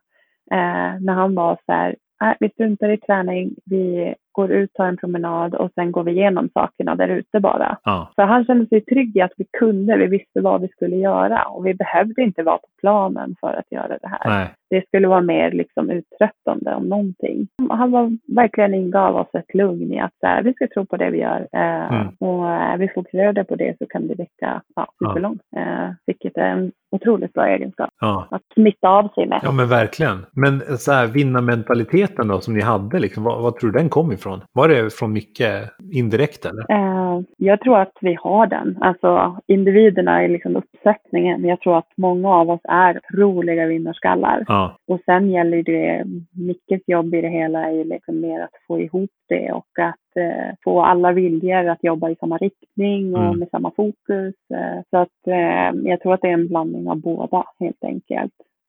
Men sen känner jag ju också många av tjejerna och jag vet att det är eh, vinnarskallar av rang. ja. Eh, så att eh, det finns absolut, ja det är absolut en kombination av alltihop. Mm. För det, det räcker ju inte bara att ha vinnarskallar. Det är också en helhet som måste, som måste fungera. ja men precis.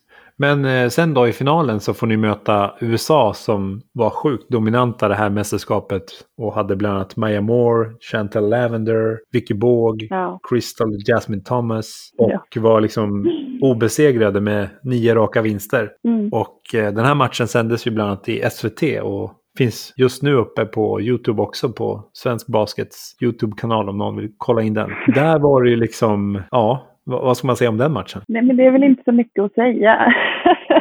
Om nu vi ska vara ärliga. Nej, jag skojar. Men det, nej, men de var ju, man kände sig som en liten flicka verkligen bredvid dem. De var Ja. stora, starka, atletiska. Jag tror också att delvis så hade luften gått ur oss lite. Ja. Jag, jag tror inte att vi hade förväntat oss att stå i en final mot USA. Vi hade också just den där känslan av att här, vi vann kvartsfinalen, vi vann semifinalen. Ehm, jag vet själv att jag sov inte mycket de nätterna för Nej. att man var så, man var så otroligt uppspelt och överväldigad. Ehm, Mm. Så jag tror inte att vi kom i vår bästa form till den matchen. Nej. Och självklart var vi lite besvikna men men jag tror nästan, jag tror samtidigt att det har inte funnits så många lag som förlorar en final som fortfarande är så pass glada som vi var. Nej, verkligen. Ja, det är ju men det är så sjukt hela grejen. Alltså, Mm, VM ja. liksom, det är, ja, det är så svårt att ta på det på något sätt. Ja, ja men det är verkligen det och jag tycker att det, ja, det är ju liksom några år sedan men jag, man har fortfarande något slags be- behov. Alltså det är så kul när man träffar liksom, ja men Eldebrinken eller Lollo eller någon av de här som man har spelat i med så många år. Mm. det är ju fortfarande härliga minnen och någonting sånt häftigt man har varit med om tillsammans. Så att det är så himla, ja men fortfarande kul att prata om och Mm. påminnas om. Var det förra året eller förrförra året som lite gamla matcher visades? Ja, men precis, det var det ju. Ja, så då träffades vi någon sommarkväll och grillade och så stod vi och kollade på den där matchen. Ja. Och man satt liksom bara och skrattade och mindes saker och man tyckte vi såg så himla små ut. Och, eh, men det är otroliga minnen som jag önskar att man verkligen kunde Ja, få bevara i bästa skick. Så länge det bara går. ja. Kände hon igen dig förresten, Chantal Lavender, där i finalen från hissen? Tveksamt. Hon bara, vad gör den där funktionären på golvet? ja. Ska hon torka innan matchen börjar? Varför värmer hon upp? Nej. Eh, Ni snackade inte mer efter det liksom? Nej, det gjorde vi inte. Eh, den kvällen, liksom, efter mästerskapet är över, så är det ju alltid liksom lite ja, men festligheter. Och, eh, så att jag menar, då snackar man ju med några av spelarna. Men de var väl inte jättebrydda om att lära känna oss kanske. Nej. Okej. Ja. Frida blir ju i alla fall MVP och Elin blir ju bästa passaren i turneringen. Och eh, Mm. det är ju, alltså bara det är ju också helt galet så här med tanke på USA, liksom att de ändå vann så fick Frida MVP-utmärkelsen liksom. Ja, Det är grymt. ja men Stort. det är så grymt och jag menar det är så välförtjänt. Ja. Alltså jag menar de var ju också, alltså med de förväntade vinnarna. De var ett väldigt starkt lag, de hade gått igenom Mm. turneringen. Så att, att vara så pass bra som hon var genom liksom mästerskapet och också i finalen, jag menar det, då är man ju verkligen förtjänt av en sån, en sån titel. Ja, ja men verkligen. Så är det ju. Även om man är då i det förlorande laget just då. Ja. Men, eh, nej, men det, är så, det är så häftigt. Och det känns som att det är så, ja men det är så bisarrt. Det känns som att det var en annan livstid på något sätt. Och det, jag tänker att det är just för att det var en sån eh, speciell upplevelse. Mm. Det är ju alltid svårt att prata om sådana här saker och uttrycka sig om sådana här saker. Ja. Men, eh, men det är fint att tänka på. Ja. Även om det är svårt att beskriva. ja, men precis. men det här var ju en så kallad dörröppnare för många svenska spelare sen att kunna leva sin dröm och bli proffs utomlands. Och det var ju ett par som hade gjort det tidigare, men det här var väl ändå en brytpunkt kan man säga. Märkte du någon stor skillnad före och efter VM-silvret? Liksom? Fick du många fler erbjudanden nu och så? Ja, men, men det var ju då som det började hända grejer. Liksom agenter som kontaktade Ja. en och um, kändes som att det var då det var aktuellt Mm. um, att sticka iväg just för att det kom lite erbjudanden och sådär. Ja. Så att eh, det var väl eh, ja, men ändå några stycken och åren som följde så blev det ju några stycken som var iväg och spelade i Europa. Det blev liksom en liten våg då. Mm. Det blev vanligare. Eh, Mm. Och det var väl, var det ett år efter Mm. Kanske som jag också blev utomlands. ja, men precis. Men, men det var ju absolut en dörröppnare, VM. Ja.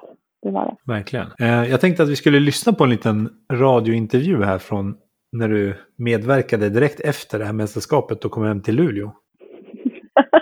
Åh nej. Jag ska bara dra på. Med ett eh, junior-VM-silver runt halsen träffar jag även Frida Eile. Har du hunnit smälta intrycken? Nej, inte en chans bara så här kort tid. Det har jag fortfarande inte smält EM-bronset sedan förra året så jag vet inte hur länge det här kommer att ta. Eh, hur har tiden varit då efter VM-finalen? Eh, fantastiskt och ka- kaotiskt. Alltså det har varit så mycket. Man har bara farit fram och tillbaka. Och otroligt mycket folk som vill gratta en. Och, ja, nej, det har varit sånt jäkla pådrag alltså. Så man blir helt... Så svårt att sätta sig in i sammanhanget än. Så man har tagit VM-medalj. Ja. Men ni kommer utan förbundskaptenen. Vad har hänt med Mikael Johansson? Ja, han försov sig lite idag. Jag tror han är lite, lite blyg också, så kanske spelar in lite på försovningen där. Ja, nu har ni ju fått ett, ert internationella genombrott. Ehm, Finns det någon fara i att du kanske inte spelar i damligan? Eller hur ser du på den närmsta framtiden? Om det nu hör av sig någon klubb ute i Europa som vill värva dig? I så fall får man ta det när det kommer. Eh, Just nu är jag inställd på att stanna ett år i alla fall. Och sen, men man inser ju att det finns otroligt mycket möjligheter nu och man får verkligen mer smak för att fara ut i Europa och spela någonstans. För det finns så himla mycket mer än Luleå, även om Luleå är bra som det är också. Men det finns ju alltid kvar. Ja. ja, har du smält eh, känslan än då? Nej. Ja, ah, gud vad roligt. Ja, men jag beskrev det ju väldigt bra. där, verkligen. jag. Ja. Och så var det så bra just det där med Ehm. EM-bronset också. Att du har fortfarande inte smält det. Nej, nej men eh, ja, det, var verkligen så. Mm. Eh, jag beskriver det bättre i ord där än jag, jag kan göra nu. Men eh, det kaotiska var definitivt en, en faktor i det hela. Mm. Ehm, I allt det fantastiska. Jag blev verkligen påmind nu också om att Micke Johansson, han var ju väldigt blyg för sociala medier och sådär. Så han, eh, han vägrade ju gå ner på flygplatsen när vi. Gömde han sig på planen? Ja, jag kommer inte ihåg om han stannade i Stockholm och tog ett senare Aha, eller om okej. han bara stod kvar där uppe och gömde sig. Jag kommer inte ihåg exakt hur det var, men äh, ja, nej, gud vad roligt att höra. Mycket norrländska där också, så fara ja, och eller hur? ja. Men, jag har tappat det lite kanske. ja. Men du, sen hemma i Luleå igen så får ju du och vråkarna Frida Gran och Eva Häggmynte mer och mer förtroende. Och du spelar nästan 30 minuter per match den här säsongen. Mm. Hur kändes det liksom att vara tillbaks efter det här silvret? Det måste ju ändå känns som ett så här nu, nu snackar vi, eller? Ja, nej, men som jag sa, så att, att vara kaxig har väl kanske aldrig varit liksom en, en viktig, så, en stor del av mig. Jag har väl ändå varit hyfsat ödmjuk och sådär. Men det är, det är klart att man fick lite mer skinn på näsan. Men det handlar väl mer om att man vågar ta för sig mer, både på spelplan och mm. utanför. Och att man etablerar sig mycket mer äh, i laget. Och, äh, så att jag tror att det mer tog sig uttryck genom hur man spelade äh, än, än på något annat sätt. ja. Okej. Okay. Efter den här säsongen sen så är det dags för U20-landslaget att åka till Polen och för första gången ta upp Sverige i A-divisionen. Mm. Uh, och det gick ju ganska bra där med, eller vad säger du? jo, men det gick ju faktiskt väldigt bra. Ja. Ja, det gick toppen. Ja. kan man säga. Och det var väl, det var ju liksom vårt sista, lite vårt sista mål också, liksom med det gänget. Vi var U20. Ja med det, liksom, lite den, det ungdomslaget som vi hade haft. Ja. Det kändes lite som så här, men nu ska vi knipa med det guldet. Mm. Det här är kanske vår sista chans innan vi blir seniorer och uh, vi kommer inte ha den här riktiga samma sammansättning av lag igen. Ja. Så att, uh, det var ju ett till fint minne då. då. här fick du faktiskt smaka på att vinna ett guld. Hur var den känslan? Mm. Ja, men den är trevlig.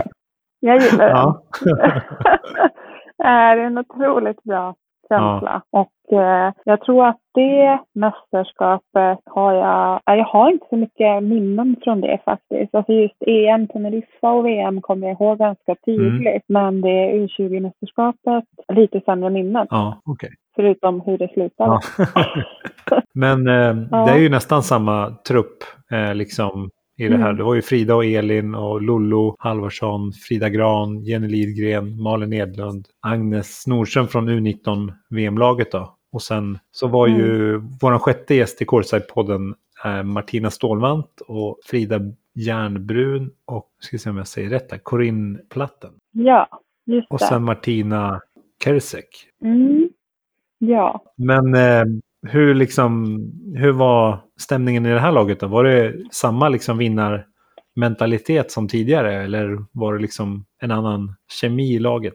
Um, nej, det var samma fina kemi. Alltså, vi hade ju liksom en kärna med många spelare som hade spelat ihop länge. Mm. Vi hade nu några mästerskap och liksom, ja, turneringar, träningar. Vi har haft supermycket tid ihop. Mm. Vissa somrar i början där så hade vi väl typ 52 dagar tillsammans eh, på en sommar. Så, att, nej men så kärnan var ju kvar och det, det sätter ju lite en prägel på ett lag.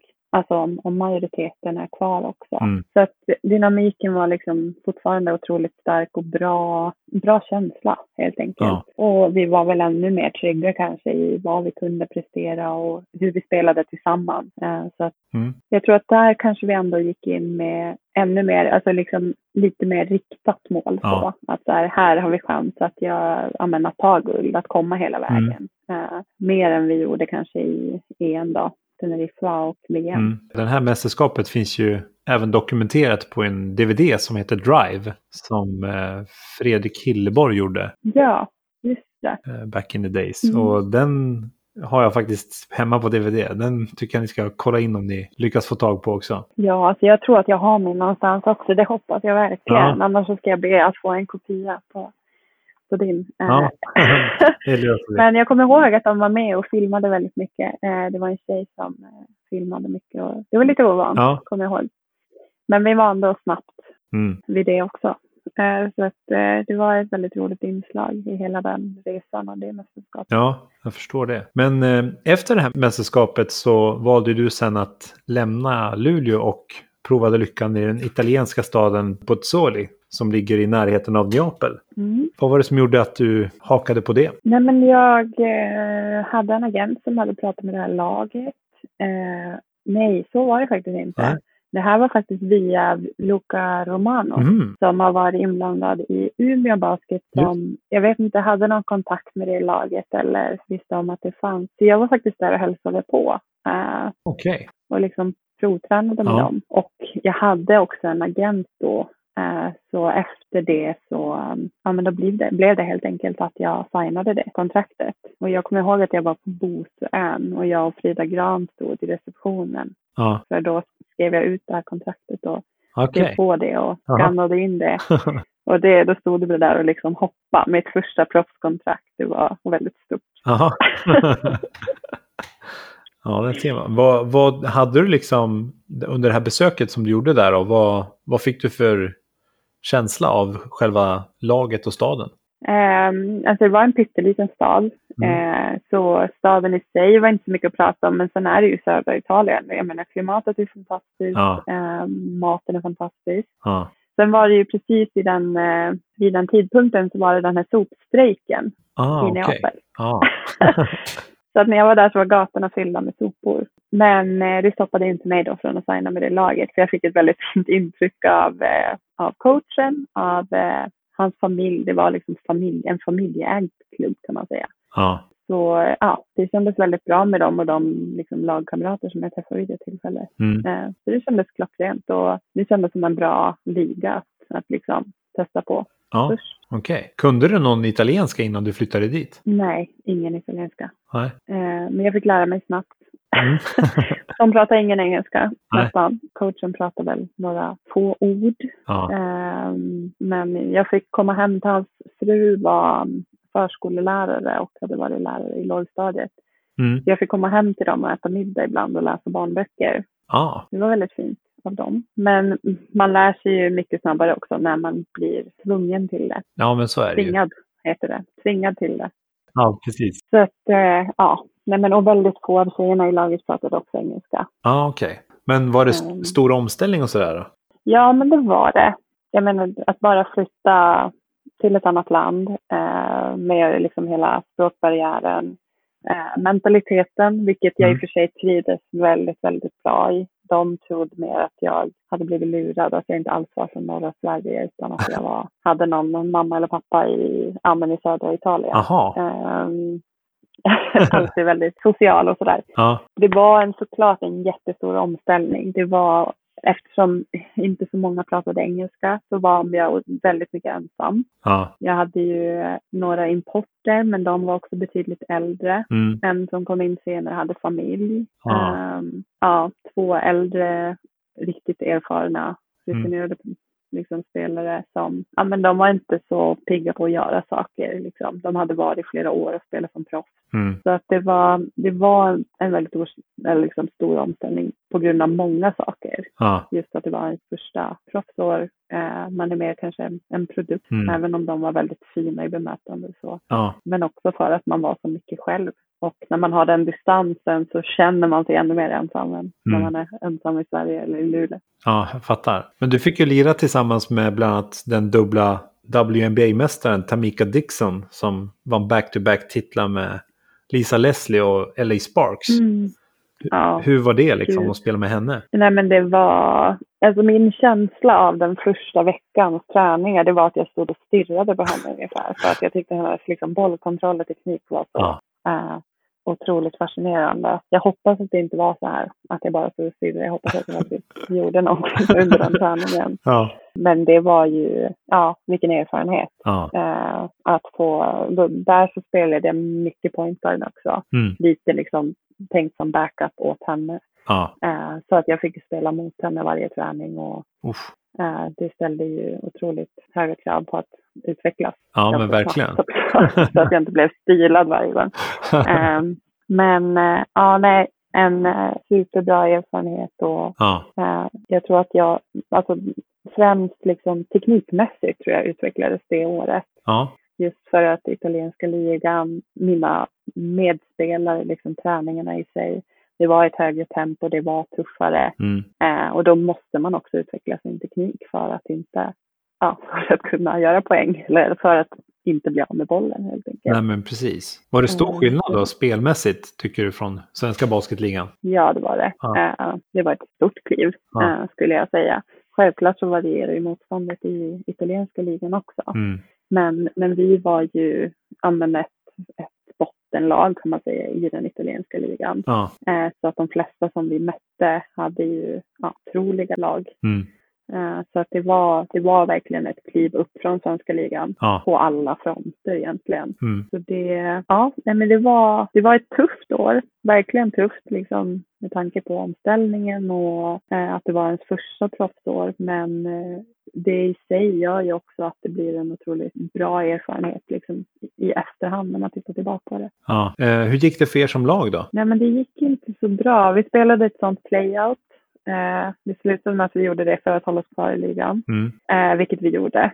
Ja, okej. Vi, vi, vi, vi höll oss kvar, Ja. men, men eh, ja, det var ju ingen vidare topplacering så direkt. Nej. ja. Hur var klubben då? Eh, nej men, eh, alltså den var bra. Det var ju speciellt. Jag menar i Sverige skulle det aldrig ske liksom att det är familjeägt på det sättet. Nej. Så det är ju väldigt annorlunda och jag fick liksom någon så här liten eh, bonus betald i ett kuvert. Så jag var tvungen att liksom skicka hem pengar med mamma och pappa. Jag stod och delade ut pengakuvert till min familj. Så där, som värsta maffiafamiljen. Ehm, för att man inte fick resa hem med så mycket cash. Jag fattar. Så det var ju lite ja, men speciellt på det sättet. Men jag tyckte att det var charmigt också. Mm. Klubben i sig hade funnits länge, alltid varit familjeägd. Mm. Och eftersom de tyckte om en så blev man en del av den här stora familjen. Mm. Det var verkligen från dag två så var det pussar och kramar och Ja. eh, alla var glada att se en. Okej. Så, att, eh, så det var väldigt härligt Mm. en, ja, ändå. Men sen var det just det här att man, ja, man inte kunde språket från början. Mm. Eh, det hände inte så mycket utöver basketen och då var man i sin lägenhet Ja. och så vidare. Så att det blev ju tufft i sig. Mm. Men, men det hade ju inget med lagkamraterna eller klubben i sig att göra. Nej. Vad var det bästa med Italien då? Maten. Ja. Nej men maten och klimatet. ja. Vilka är topp tre maträtterna då från Italien som du gillar? Alltså de har ju så mycket, speciellt runt Neapel, de friterar ju allt. Mm. och allt smakar ju fantastiskt. Ja. Men så att jag menar, eh, jag hade en, eh, en pastarätt med en vit fisk. Jag vet inte exakt vad det var för fisk. Men jag hade liksom en, en, en restaurang som låg nära mitt hotell. Mm. Eller jag bodde, min lägenhet var liksom på ett hotellområde. Mm. Eh, på toppen av en typ inaktiv vulkan. Så det luktade alltid eh, sulfat där. Ja. Lite liksom äggmärk så. Eh, Men då hade jag en restaurang som jag alltid åkte till och käkade på och blev kompis. Man blir ju alltid kompis med alla i Italien. Ja. Och där lagar de då den här fantastiska pastarätten. Ja, Okej. Med den här vita fisken som smakar gudomligt. Ja. Har du varit där någon mer Eh. gång sen du lämnade och Nej. ätit den? Ja, det kanske inte finns kvar eller i och för sig. Nej, jag vet inte. Men jag har fortfarande kontakt med ehm, ja, en tjej jag spelar med, som en kompis Mm. som jag träffade då under min tid där. Ja. Så någon gång om jag passerar ska jag absolut åka tillbaka och se om, Ja. ja, kanske hälsa på dem och ja, se om den där goda pastan där. ja, eller hur? Var du sugen på att fortsätta liksom i klubben? Ehm, nej, alltså det var ett ganska tufft år i sig. Mm. Eh, så jag kände mig nog, självklart beroende på vilka alternativen var. Ja. Eh, men, eh, men jag var nog ändå ganska sugen på att röra på mig Ja. och att få ja, men en liten annan situation ändå just med det här. Kanske ha ett lag där det är mer engelsktalande Mm. och lite mer liksom social samhörighet i det hela. Ja. För det är för mycket tid man lägger ner annars. Förstår. Man är ju borta så många månader ändå. Så att det kändes som att jag ville ha en liten förändring av, av själva ja, men hel, situationen som helhet. Mm. Hur var coachen Carlo Fluvio Palumbo då? Nej, men han var skogstokig som alla syditalienare. jag tror att det var dag tre som han stod och skrek i mitt ansikte så det bara flög spottar. Och jag bara, vad säger han? Och, de, och de orden, alltså jag tror aldrig jag hade, jag hade definitivt inte sagt dem själv och jag hade absolut inte hört liksom en, eh, en medelålders man säga de orden. Och de här stod han och skrek i en liksom 20-årig tjejs ansikte så.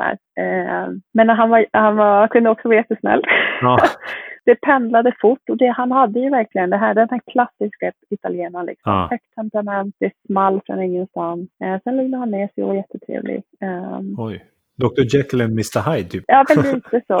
Eh, men samtidigt, alltså, på den nivån och som proffs så förväntas man mycket mer kunna prestera utan att få så mycket tips, tillrättavisningar och så vidare. Mm.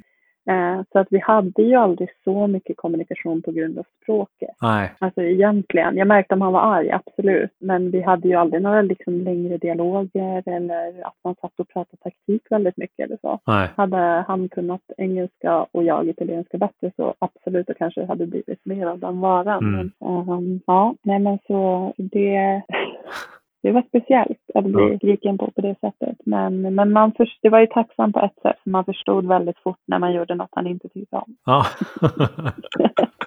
Jag förstår. Men du, sen säsongen 2009-2010 så var det dags att flytta vidare till Bulgarien. Och Ja. eh, hur hamnade du i Lukoil Nefuchimik? Jag gör det inte lätt för dig med alla de här lagnamnen. Nej, sa jag fel? Ehm, nej, alltså det är inte så noga, Nej. känner jag. Okej. Eh, nej men eh, alltså det var min agent. Jag bad han kika på liksom lite olika ställen. Eh, det här laget var, alltså hade en väldigt bra budget och de satsade väldigt hårt. Så jag vet inte, det kändes ändå spännande. Det kändes ganska otippat att åka till Bulgarien. Ja. Eh, men det jag hörde och det han hade hört om klubben var att eh, ja, men de ville vinna mästerskapet i Bulgarien. Ja, så jag, jag vet inte, det kändes rätt. Det kändes bra så jag tänkte att jag testar på det. Det värsta som kan hända är att man får byta klubb. Mm. ja, jag har för mig att eh, Thomas Massamba pratade om att han spelade i något lag när jag intervjuade honom i Lukoil Sofia. Men, ja men precis. eller vad ska man säga, den klubben låg i Sofia och ditt lag låg Ja. fyra timmar därifrån i staden Burgas. Ja, exakt. Precis vid Så kusten. det är inte samma klubb? Nej, liksom. det var olika klubbar. Så Ah, Lukoil okej. var ju bara sponsorn, det här stora oljeföretaget. Ja, just det. Det är ett oljeföretag, ja. Ryssland. Ja, ja men precis. Så att det var olika lag då. Men uh, ute vid kusten, eh, nära Ja. Sunny Beach, där de flesta ungdomar har varit på någon charterfestresa. Ja. Ja, där hamnade jag. Mm. Och det var ett fantastiskt år. Ja. Ett otroligt ungt lag hade vi. Ja. Jag tror att vi hade, om vi var fem importer. Okej. Så vi hade en inköpt starting five ja, okej. Det var ni som fick starta. Så hade ni reserverna som var liksom inhemska spelare. Ja, men precis. Och det, vi hade två som hade dubbla medborgarskap. Eh, så därför så kom vi undan med att ha liksom fem importer. Så. Ja, förstår. Vi var sex stycken som spelade matcherna. Ja. Och det var vi som gick ner i omklädningsrummet i halvtid. Ja. De yngre tjejerna som satt på bänken, de fick stanna uppe och skjuta. Mm. Eh, så att det var verkligen, eh, det var oss det hängde på. Ja. Det var vi som skulle göra det. ja. Hur var livet i Burgas då? Ja, men det är ju, um, Sofia är ju liksom ändå vackert, det är en stor stad, men, men i övrigt så är ju Bulgarien ändå ett, ja, men ett eh, ganska fattigt land. Mm. Eh, och det- Burgas var ingen sådär supervacker stad. Sen var jag inte där på deras liksom prime time eh, årstid, vilket är sommaren. Men ändå ja, ganska lite ruffigt så. Mm. Jag bodde i ett lite, ja, farligt eller jag säga, men ett, eh, ett område som de, det fanns många områden där det var lite maffia och sådana saker. Oj. Så eh, de, de lärde en att så här, men de här registreringsskyltarna, det är ofta maffia, så de ska man akta sig från och, och sådär. Mm. Vi bodde i en fin lägenhet, men den var på sjätte våningen utan hiss. Så jag fick liksom lite extra träning där. Ja. Men det var, det var ändå, alltså det året eh, kommer jag ändå ihåg med så himla mycket glädje just för att vi hade otroligt roligt lag. Alla var unga, Mm. alla pratade engelska och ville prata. Även om man inte pratade väldigt bra engelska. Så, Mm. så det var ändå liksom en fin gemenskap trots den här uppdelningen också med inköpta spelare och en starting five och, Ja. som är så uttalad. Mm. Eh, mycket liksom aktiviteter i koppling till träning och utanför det. Ja. De var duktiga liksom på att bjuda in mat till, eh, till deras hem och sådana saker. Mm. Så det blev en, blev en väldigt fin upplevelse på det sättet. Ja. Sen var maten definitivt inte lika bra som i Italien. Eh, jag levde på Subway och grillad kyckling till. Ah, det. Men eh, livet utanför basketen då? Liksom, kände du att du hade mer att göra i, i Bulgarien än i Italien? Eh, nej, inte direkt. Nej. Det är ju en sommarstad. De lever mycket på turism där. Mm. Så att det var ganska dött under den tiden som Ja. jag var där. Men det var just det här med att laget ändå hittade på saker och Mm. de tog med oss på olika ja, aktiviteter och sådana grejer. Så att det, det gjorde ändå en väldigt stor skillnad. Mm. Man kände sig aldrig lika liksom, isolerad ensam. Okej. Eh, spelar ni fler ligor än den inhemska? Nej, vi spelade bara den inhemska. Mm. Eh, vilket blev, man spelade mot alla fyra gånger i grundserien. Ja, okej. Eh, så när vi, när de vi då mötte i final senare, de hade vi liksom hunnit spela mot typ sju gånger. Ja, För det, finns, det är också en, en sån bulgarisk kuppen under säsongen. just det. Eller ja, det var till och med åtta gånger vi hade hunnit möta dem tror jag. Jaha. Eh, så det var lite speciellt. Mm. Just för att man, man hinner lära känna spel, motståndarna otroligt bra. Ja. Eh, så man får försöka komma med nya tricks. Mm. Ni, ni vann väldigt mycket det året. Eh, om jag har rätt uppgifter. så såg det Ja. ut som att ni var ett väldigt bra lag och förlorade typ bara tre gånger tror jag under hela säsongen. Ja, ja, men precis. Och det var väl tanken också från klubbens sida. De hade liksom fullt fokus på att vinna mästerskapet Ja. och hade köpt in spelare för det syftet. Mm. Och det blir ganska speciellt. Vi förlorade som du sa tre matcher Mm. eh, och en av de matcherna var i bulgariska kuppen. Ah. Och utifrån den förlusten så kände klubben att de ville liksom markera. Så de gav faktiskt vår amerikanska vid det tillfället sparken. Oj. Bara för att liksom välja ut en martyr ungefär. Visa Ah. att så här, det är inte okej att ni förlorar den här matchen. Eh, Jag trodde att jag skulle ryka då, eller alla trodde väl att de skulle ryka. Mhm. Eh, Men, eh, men så vi var verkligen förväntade att vinna varje match. Ja, okej. Det var någonting de sa från, från dag ett. Ja. Enligt sidan Eurobasket.com så fick du bland annat en hedersutmärkelse samt även en plats i All Bosman Team. Jaså? Var det någonting som den här sidan bara liksom har gett utmärkelser eller fick du något så här på plats också? Nej, jag fick inget på plats. Det där är sånt de gjorde eh, då och då, höll jag på att säga. Så att beroende Ja. på eh, alltså statistik, eh, de hade ju sådana scorer of the month eller vad det var. Ehm, Mm. så att, eh, men det hade jag faktiskt glömt bort. Eh, men det var ju kul. Ja. Men du, i finalserien här, ni vann ju första finalmatchen och du droppade 16 poäng. Och sen på Dunavs, eller hur det nu uttalas, hemmaplan, Mm. så blev det kaos. Ja. Kommer du ihåg vad som hände? ja, gud, jag kommer aldrig att glömma det. Det var, ja, alltså jag tyckte att det var så spännande. Nej, men eh, Dunan hade en ganska liten arena som alltid var fullproppad Ja. med, eh, ja, jag vill säga tokiga bulgarer, men de var verkligen, nu tänker vi riktiga sådana här uh, huliganer Aha. kan vi kalla det. Det var liksom äldre män som stod där med så stora trummor och de stod med bara överkropp och liksom skrek och ja, så det var fullt ös alltid. Mm. Vilket var härligt. Alltså det är ju det är en sån publik man vill spela inför. Eh, men de hade som tradition att kasta ut sådana kvittorullar.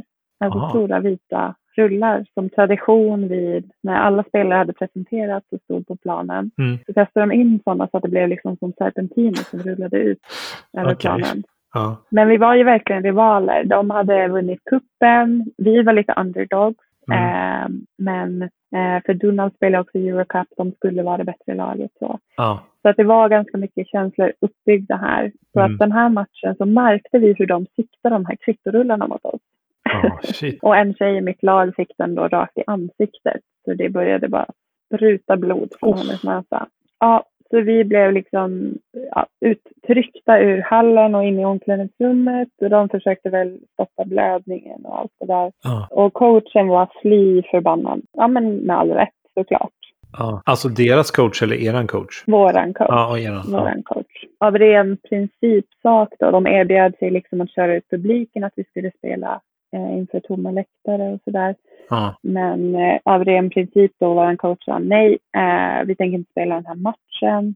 Och vi var också ganska peppade, du vet, man har laddat så mycket, man har så Mm. mycket adrenalin och man var liksom så här, "Ja, men nu är vi ju redo, vi vill spela matchen. Ja. Men matchen blev avbruten då och vi fick poliseskort. Vi var tvungna att gå ut till bussen och se så här ledsna och rädda Och jag hade jättesvårt att hålla mig för skratt. Och alla fansen stod ju liksom där ute så de matade bort dem eh, och så fick vi åka hem då. Ja. Och sen tappade ju de då sin hemmaplansfördel och vi fick spela deras matcher på liksom en neutral ort Ja. som de kallar det. Utan publik också? Nej, då fick det vara publik faktiskt. Jaha. Men eh, de, det var några av, av huliganerna som blev port- portade. Ah. De fick inte komma. Okej. Alltså wow, vilken sjuk match. Eller det blev ju ingen match, men sjukt minne. Nej, ja, men ver verkligen. Mm. Och hela det slutspelet, jag tror aldrig att jag har varit så adrenalinstinn som de var. Och mycket också på grund av den här, liksom, både den här rivaliteten som hade byggts upp mellan klubbarna och som fanns där, den kände man. Den hade funnits sedan länge. Alla gånger vi hade mötts under säsongen, det här, den här händelsen då. Mm. Så det var liksom, det var så mycket i luften. Så att, ja jäklar vilken urladdning kan man säga. Ja, Efter den finalserien var avklarad. jag förstår. Och, men där blev det också guldmedalj till slut. Ja, det blev det. På hemmaplan Ja, till slut. det, Underbart. ja, jag förstår. Det måste varit riktigt häftigt att få vara med om, liksom, med tanke på den, vad ska man säga, det slutspelet också. Mm. Ja, nej men det... Alltså man har ju så mycket minnen och ja, man har ju ändå ofta fått den frågan också. Alltså, vilket är det finaste minnet? Mm. Och då är det ju självklart liksom de här landslagsupplevelserna och sådär. Men, men eh, på nära andra plats så är det faktiskt guldet i Bulgarien också. Ja, För att det var, ja men det var ett, inte bara ett fint minne, men hela den säsongen var rolig, härlig, liksom med det sociala livet också. mm. Bra känsla med laget och sen fick vi vinna ihop. Det var efter ett sånt otroligt intensivt slutspel. ja. Eh, Så att det var ja, underbart. Det är sånt här som inte går Minne att... Ett minne för livet, absolut. Och sånt här som inte riktigt går att Mm. beskriva. Först bodde du ju i södra Italien och sen precis vid kusten vid Svarta havet i staden Burgas. Varför valde du sen att komma hem till Snö och Luleå igen? Alltså jag hade någon liten skada eh, som jag eh, Mm. Ville rehabba och sådär. Ah, Så okej. att, eh, då kändes det som ett bra alternativ och då tänkte jag väl lite att så men då tar jag också ett, ett mellanår. Jag tror att jag hade en klausul Mm. inskriven också att så om det skulle bli aktuellt så kan jag ändå åka utomlands. Ah, Eh, mm. Men det var på de vägarna eh, så att jag, jag ville återhämta mig lite, läka och sen eh, ta nya tag på att åka utomlands. Mm. Eh, men så blev det inte riktigt. Nej. Skadorna fortsatte ja. tyvärr. Ja, det är surt alltså. Ja, Ja. Nej, men sen i samma veva då så äh, drog jag först korsbandet och återhämtade mig för det Mm. under en längre tid och sen skulle jag comeback från det och så bröt jag fingret och opererade det. Så att det, det tog ett tag innan jag eh, gjorde ett nytt försök att ta mig iväg. Eh, under den här tiden så hade väl Luleå också gjort någon slags nysatsning? Att de skulle satsa på de yngre spelarna, eller? Eller var NBA-trion kvar? Nej, de var inte kvar. Eh, Nej. Det var en yngre uppsättning, men jag har lite svårt att komma ihåg. Jag tror att det var Sab Sabrina Scott var Ja, väl hon var med. Elin Söderström, Josefin Olheim. Anna-Lisa Westin och Frida Gran som hade kommit hem efter en session i Norrköping. Just det. Ja, ja, men det var ingen av de här eh, gammelrävarna var med. Lite yngre uppsättning. Mm. Ja, Men ni tog er till finalen i alla fall och eh, får möta Telge ja, Basket. ja. Och eh, det var ju ganska starkt lag där det var det. med många nya stjärnor. Framförallt eh, Amanda Saui, Binta Dramme, Elin Eldebrink, Cleo Forsman, Paulina Hersler och Matilda Claesson var ju med Ja, där. det var stjärnspäckat. Ja, verkligen. Eh, minst sagt. Hur, hur var den finalserien? Är det någonting du minns någonting av där? Um, alltså inte jättemycket. Ehm, jag minns Nej. att jag var otroligt besviken och arg och allt Ja. det där som man är. Ehm, men jag kommer faktiskt inte ihåg så mycket. Jag tror du blev skadad i slutspelet mot Norrköping har jag skrivit här. Det kanske Så var då jag drog korsbandet. ja. Så du kanske inte ens var med i finalen nu när jag tänker på Nej, det. men så var det nog. För då, eh, det var typ så här första, spela mot Norrköping borta ja. Ja. Ja, det var då jag drog korsbandet ja. Ja, ja. Ja, men då var ju inte du med där i den matchen, eller matcherna mot dem då. Nej, alltså jag försökte ju, um, först så drog jag korsbandet, så rehabbade jag ett tag och Mm. försökte köra utan, alltså med ett sånt knästålskydd. Ja, okej. Um, så jag kan ha varit med lite i det slutspelet. Ja, Um, men eh, ja, uppenbarligen kanske inte i min bästa form. Och sen hade jag ju så bra timing då att när jag gjorde comeback, ja, vad kan det ha varit, tio månader senare eller då uh, bröt jag mitt finger till slutspelet året Ja. efter. Uh, opererade det och så sa de att jag skulle ha gips då i, ja, vad säger man, sex, åtta veckor. Mm. Men jag spelade det slutspelet också. Mhm. Och då, ja, jag var inte riktigt fit for fight då heller. jag förstår. Smått begränsad. Ja, okej. För andra året du var där den här sessionen, då var det ju dags för den grymma 93-trion att slå sig in.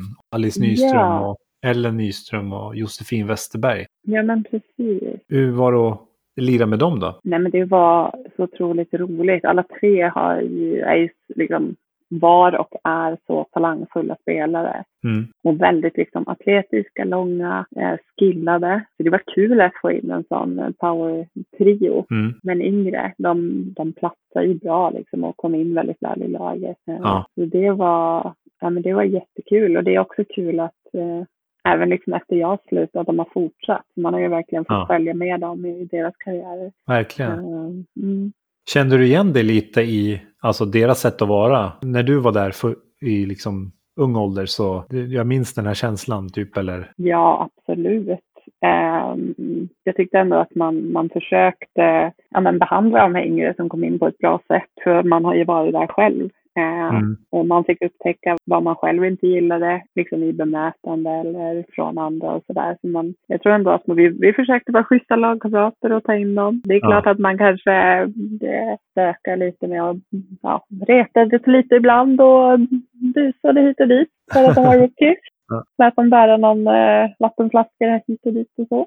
Men ja, Ja. Nej, men jag tror att vi var ganska schyssta mot dem. Mm. Eh, men man hade väl det i åtanke att man, man hade varit i den positionen själv. Mm. 2012, 2013 sen så var det ju igen då med Luleå. Och eh, då fick ni möta Solna Vikings i semifinal med bland annat Christy Bacon och Katarina Andersson.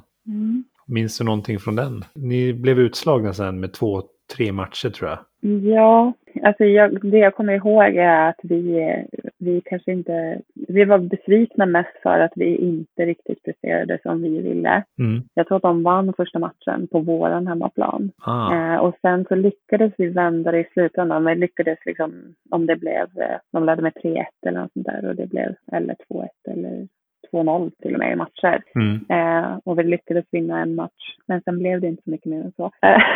Mm. Tyvärr. Nej. Men ja, ja, nej, det är det här som är så svårt. Jag har- inte så tydliga minnen av de eh, matcherna. Nej. Men ehm, upplevde du att din roll hade ändrats i klubben och laget sen dina tidigare säsonger i klubben? Ja, jo men absolut. Det sker ju i takt med att man utvecklas och man får alla de andra erfarenheterna, både från proffserfarenheter, från landslag. Mm. Så självklart så får man en mer etablerad plats i en klubb. Eh, Mm. Ja, det sker ju väldigt naturligt så. Eh, Ja. Så att eh, jag kommer med erfarenheter än jag hade haft tidigare och då, ja, man, har- man kliver in på en annan position helt enkelt. Ja. Och helt plötsligt så är man inte en av de rookiesarna utan man, man är en av, av de mer rutinerade. Mm. Och det är en väldigt speciell känsla. Mm. När man kommer tillbaka till sin hemklubb på det sättet och Mm. har varit där som rookie innan. Ja, det är speciellt men det är också väldigt härligt. Ja, du fick ju pris som årets försvarare den här säsongen. Har försvar alltid varit en av dina styrkor? Eh, ja, men det skulle jag säga att det har varit. Mm. Absolut. Sen har det ju varit, alltså, med skador och allt annat sånt eh, så anpassar man ju sin, sin spelstil och eh, hur hårt man jobbar höll jag på att säga. Men, Mm. nej, men det har nog varit en av mina styrkor Ja. eh, genom hela min karriär. Mm. Och sen efter den här säsongen är det ju dags för EM-kval. Och ni hade chansen att ta Sveriges damer till ett EM-slutspel för första gången sedan 1987. Ja. Vad minns du från det här EM-slutspelet då? Eh, nej, jag minns hur, eh, för det första hur laddade vi var. Vi ville verkligen eh, liksom ta oss vidare. Mm. Men sen så minns jag ju också då den tråkiga avslutningen på det hela och hur snöpligt det var. Hur nära Ja. det var framför allt. Eh, Mm. Vilken otrolig besvikelse det var. Den, eh, den satt långt in. Mm. Eh, det brände i hjärtat, i baskethjärtat. Ja, Det var specifikt då den där matchen mot Frankrike som, ja det ser vi ju bara vad prata om den nu också. Så jag fattar. Alltså Céline Demercks sista quarter, alltså fan det är, ja, det är sjukt. Vad hon helt plötsligt bara kom från ingenstans och bara sänker allt. Alltså, ja, nej, men fruktansvärt. mm. Helt fruktansvärt. Eh, Sen var ju det ett fint mästerskap. Det var mycket publik och härlig stämning och eh, återigen, vi hade mycket svenska fans på plats. ja. Så det var, det var en otroligt härlig atmosfär att vara i. Mm. Men, men sen blir det ju aldrig det där liksom unika, härliga minnet när det slutar på det sättet som det gjorde. Ja. Nej, men så det var, det var trist. Mm. Ja, fattar. Eh, det här, alltså 2013 var ju ett bra år för svensk basket eftersom herrarna blev ju också eh, med i EM-slutspel det året. Mm. Och det har inte hänt sedan 1983 så det var ju verkligen Ja. att ni Vi båda... tänkte att Sverige var på gång där. Ja, eller hur? Mm. Mm. Då fick ni möta Belarus. Jag tror det, ni fick spela om, ja det var någon placeringsmatch. Ja, men just det. Så var det. Och då fick ni stryk mot dem också. Ja. Och sen så väntade Italien. Mm. Och eh, de slog ni faktiskt med 60-77. Och eh, det här var ju eh, den bästa placeringen som ett svenskt landslag har gjort i ett EM-slutspel också. Ja. Och Eh, det måste vara häftigt det med.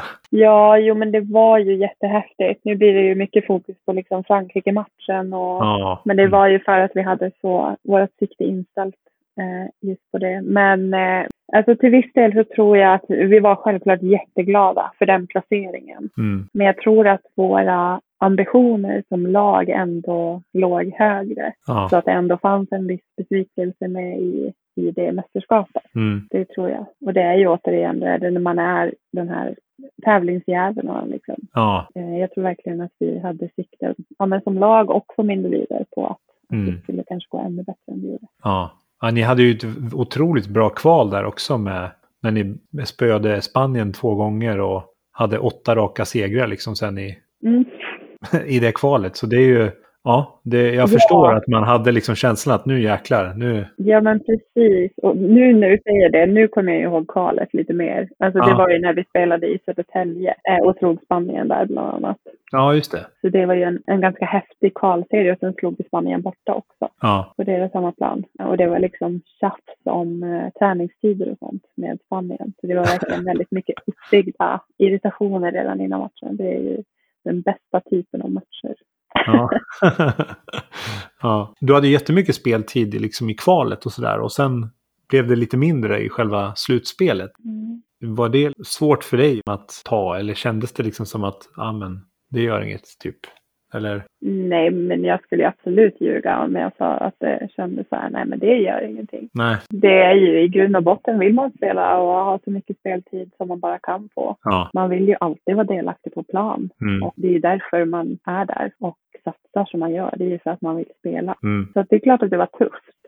Ja. Man var arg vissa gånger, man var besviken vissa gånger, men så det har man ju varit förut också i olika Ja. situationer. Och det är sådana gånger man måste liksom välja bara på att Mm. fokusera om. Man var ändå tvungen att ladda för nästa gång man kanske fick chansen att, att komma in på plan och prestera. Mm. Och då var man tvungen att göra det bästa av det man fick. Ja, jo men precis. Så att eh, självklart är det, det är en svår att vara i. Mm. För alla som, jag tror att alla spelare har varit i den sitsen någon gång. Ja. Och jag tror att alla skulle hålla med om att det, ja, men det är ganska påfrestande, framförallt mentalt. Liksom.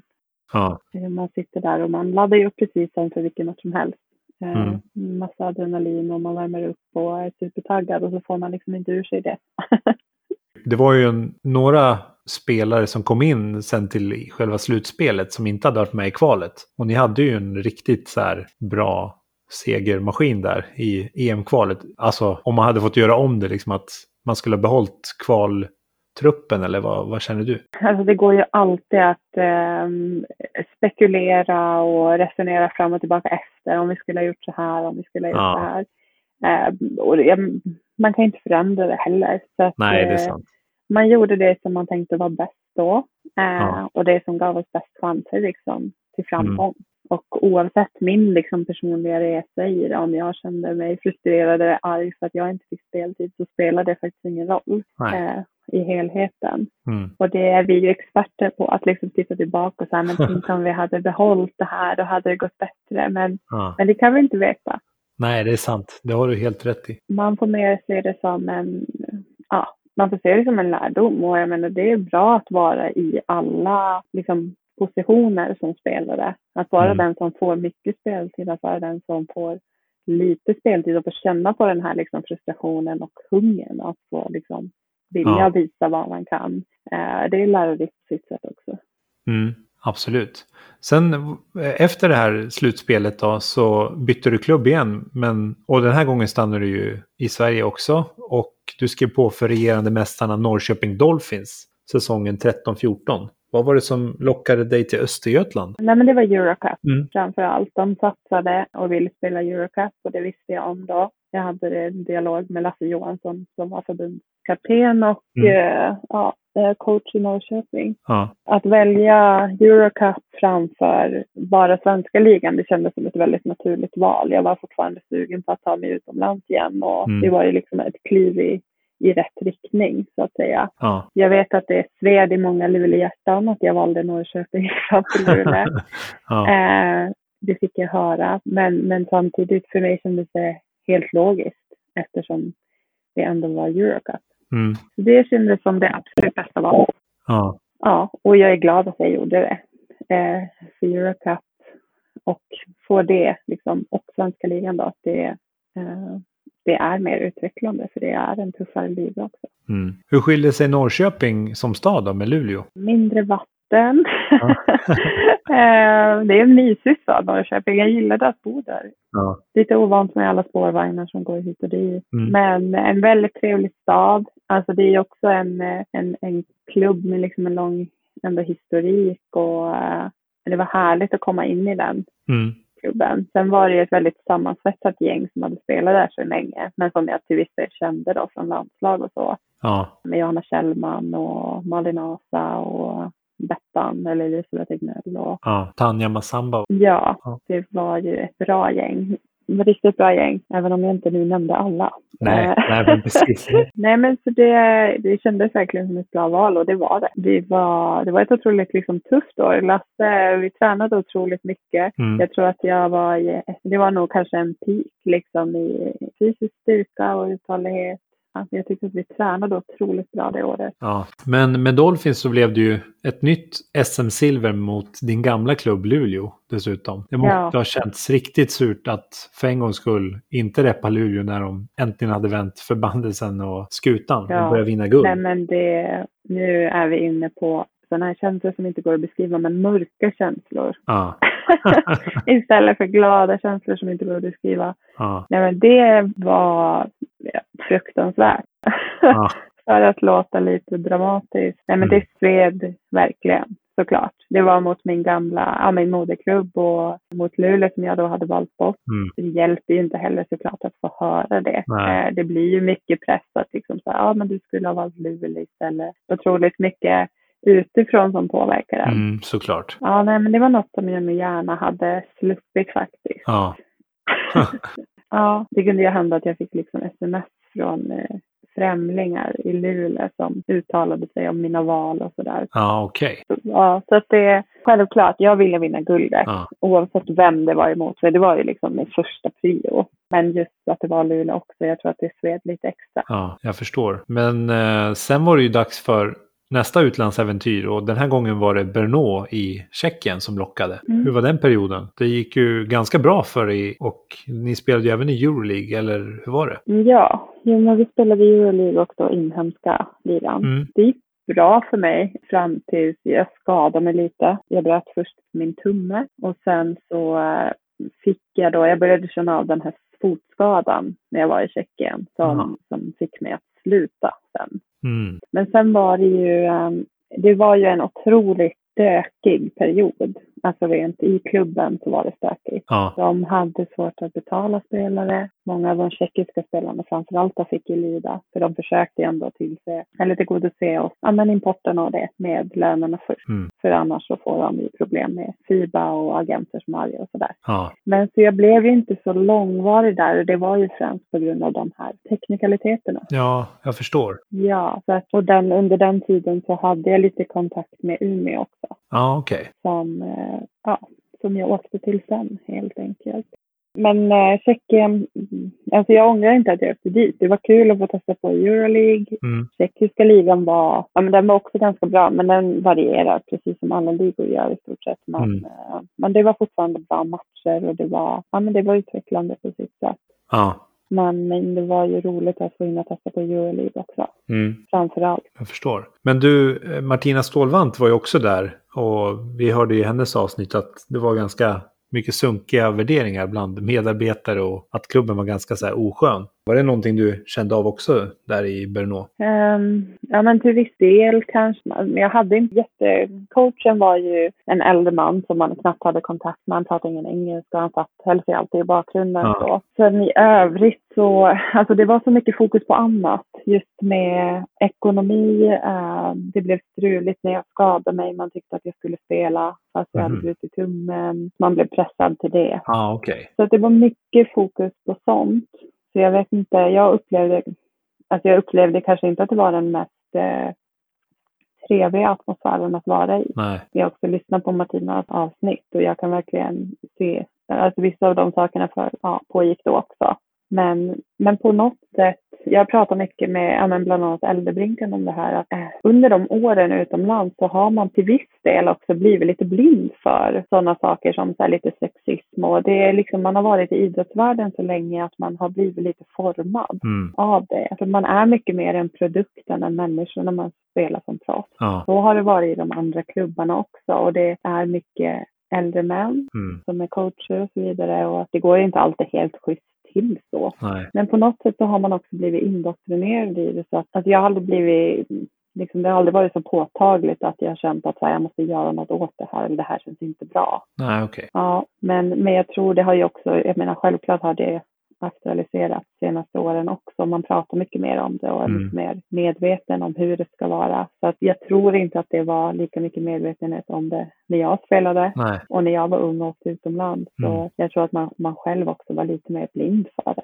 Ja. faktiskt. Mm. Men eh, du sa ju här att eh, klubben var ju inte så bra på att betala ut löner och att du återvände till Sverige. Mm. Hur ha- hanterar man liksom hela den här situationen med uteblivna löner? För det verkar vara ganska vanligt för svenska basketspelare som drar till Europa. Mm. Ehm, hade du liksom någon hjälp av någon advokat eller agent för att lösa tvisten? Eller? Ja, alltså jag hade min agent som var helt fantastisk i det hela. Mm.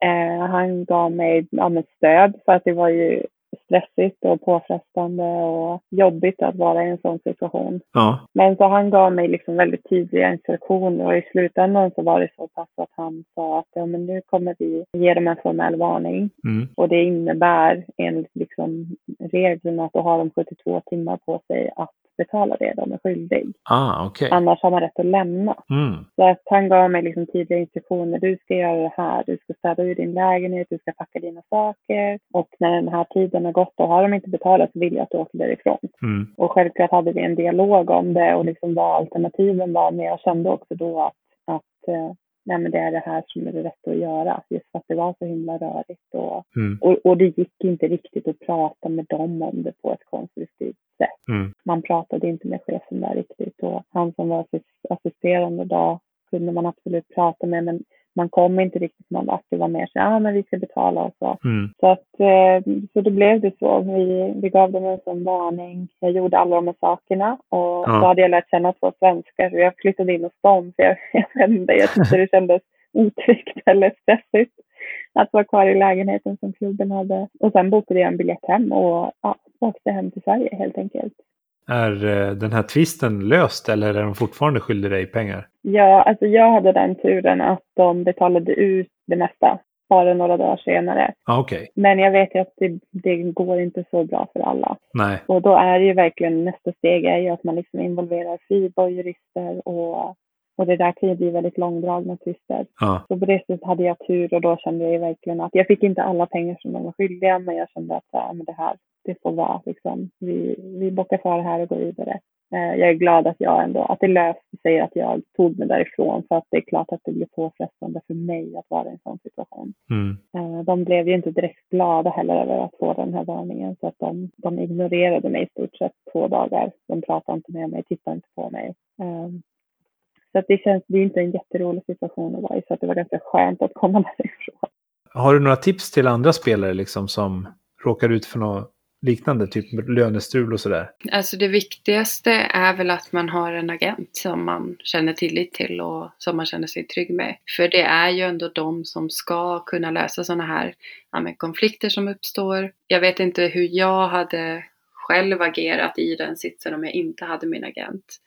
Eftersom det är jag som person som måste ta emot deras eventuella ilska för ja, beslutet att ge dem en varning eller vad det nu än är. Så man känner sig otroligt utsatt mm. i den situationen och då var det ju en enorm trygghet att ha honom som både tog pratet gentemot klubben, men också gav mig tydliga instruktioner. Gör det här, gör det här, gör det här. Så att jag menar, det, det första tipset tycker jag i alla fall är att, att verkligen se till att man har en bra agent. Det är lite A och O. Mm. För att åtminstone, sådana här tvister kan bli väldigt komplexa och utdragna, men åtminstone som man själv känner, kan känna lite lugn i det. Och att man inte heller behöver ta allt själv. Ja, jag förstår. Um, men eh, säsongen 14-15 så är det ju dags att sticka hem till Sverige igen och eh, då blir det inte Luleå eller tidigare klubben Dolphins utan då är det ju Luleås kanske värsta konkurrent Udominate i Umeå. Ja.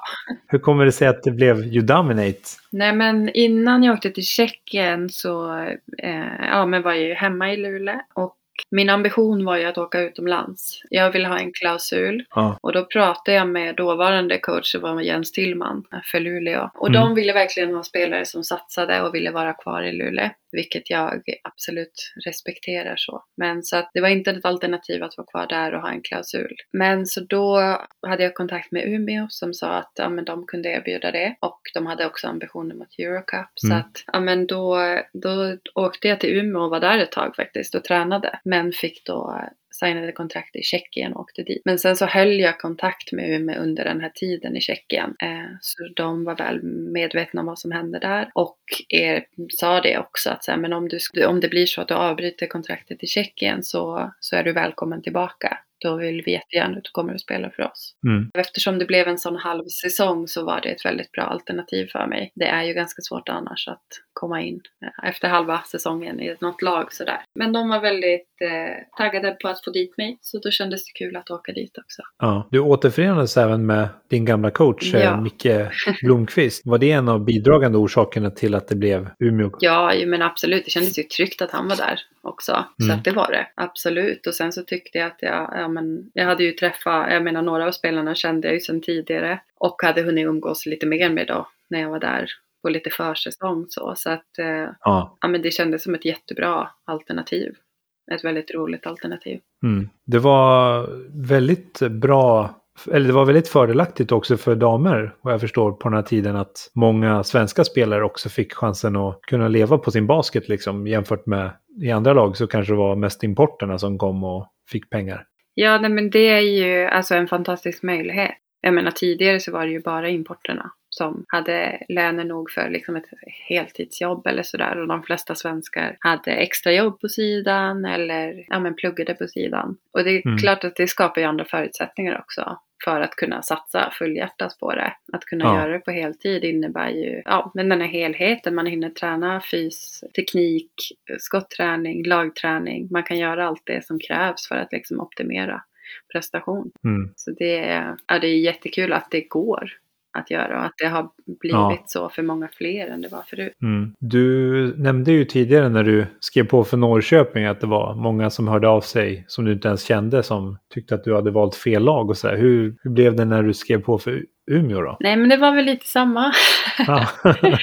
alltså det är ju inte alltid alla förstår varför man väljer det man gör. Mm. För mig var det ju rimligt att välja ja, men Norrköping på grund av Eurocup och mm. Umeå var ju ett bra alternativ eftersom det inte fanns förutsättningar att signa med Luleå just då. Mm. När jag hade ambition att åka utomlands igen. Nej, just det. Men det är inte helt lätt att hänga med i det i Nej. mitt tänk i de situationerna. Alltså delvis så förstår jag det. Ja. Men sen så bör jag också tilläggas att jag har ju alltid fått ett otroligt fint bemötande när jag kommer tillbaka och spelat till Luleå. Ja. Oavsett vilket lag jag har spelat för. Eh, mm. och jag tycker att det är fortfarande helt underbart att åka till liksom, Luleå Energi Arena som det heter nu. För mm. att många av de som jobbar, liksom funktionärer, de som jobbar inom basketen är ju kvar. Och man får alltid mm. liksom ett supervarmt bemötande. Som, så jag brukar tycka att det är härligt att gå dit och mingla runt lite när jag är hemma mm. och hälsar på. Mm.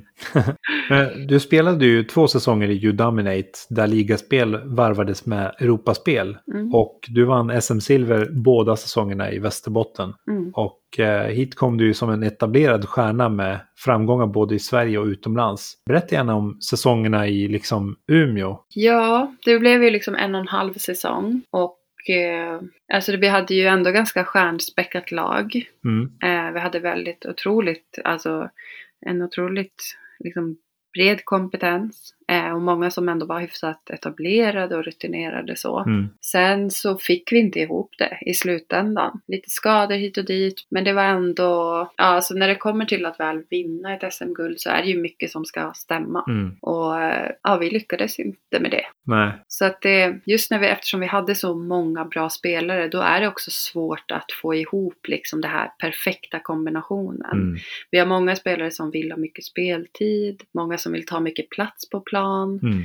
många som vill eh, göra poäng. Eh, så att då krävs det verkligen en, en styrande hand mm. och någon som har en liksom tydlig vision och bild av hur det ska vara. Eh, så att folk känner sig trygga, okej okay, jag ska tillföra det här och jag ska tillföra det här. Och det tycker jag att vi, ja men det blev inte riktigt så, vi fick inte ihop det. Just det, du, du la ju av på grund av en efterhängsen fotskada sen efter säsongen 2016 där. Mm. Vad var det för typ av skada och hämmade den dig mycket sen Tjeckien? Ja, jo men eh, alltså jag började känna av den i Tjeckien och då, det var då man när jag kom hem till Sverige och gjorde magnetröntgen och sådär som man upptäckte den. Mm. Och sen, jag spelade ju säsongen ut men då hade jag otroligt ont. Och de, alltså den prognosen jag fick var det skulle bli steloperation innan 40 och att man absolut inte ska hålla på med elitidrott när man har den här typen av skada. Ah, okay. Men jag eh, var ju då guldhungrig mm. och ville verkligen ge det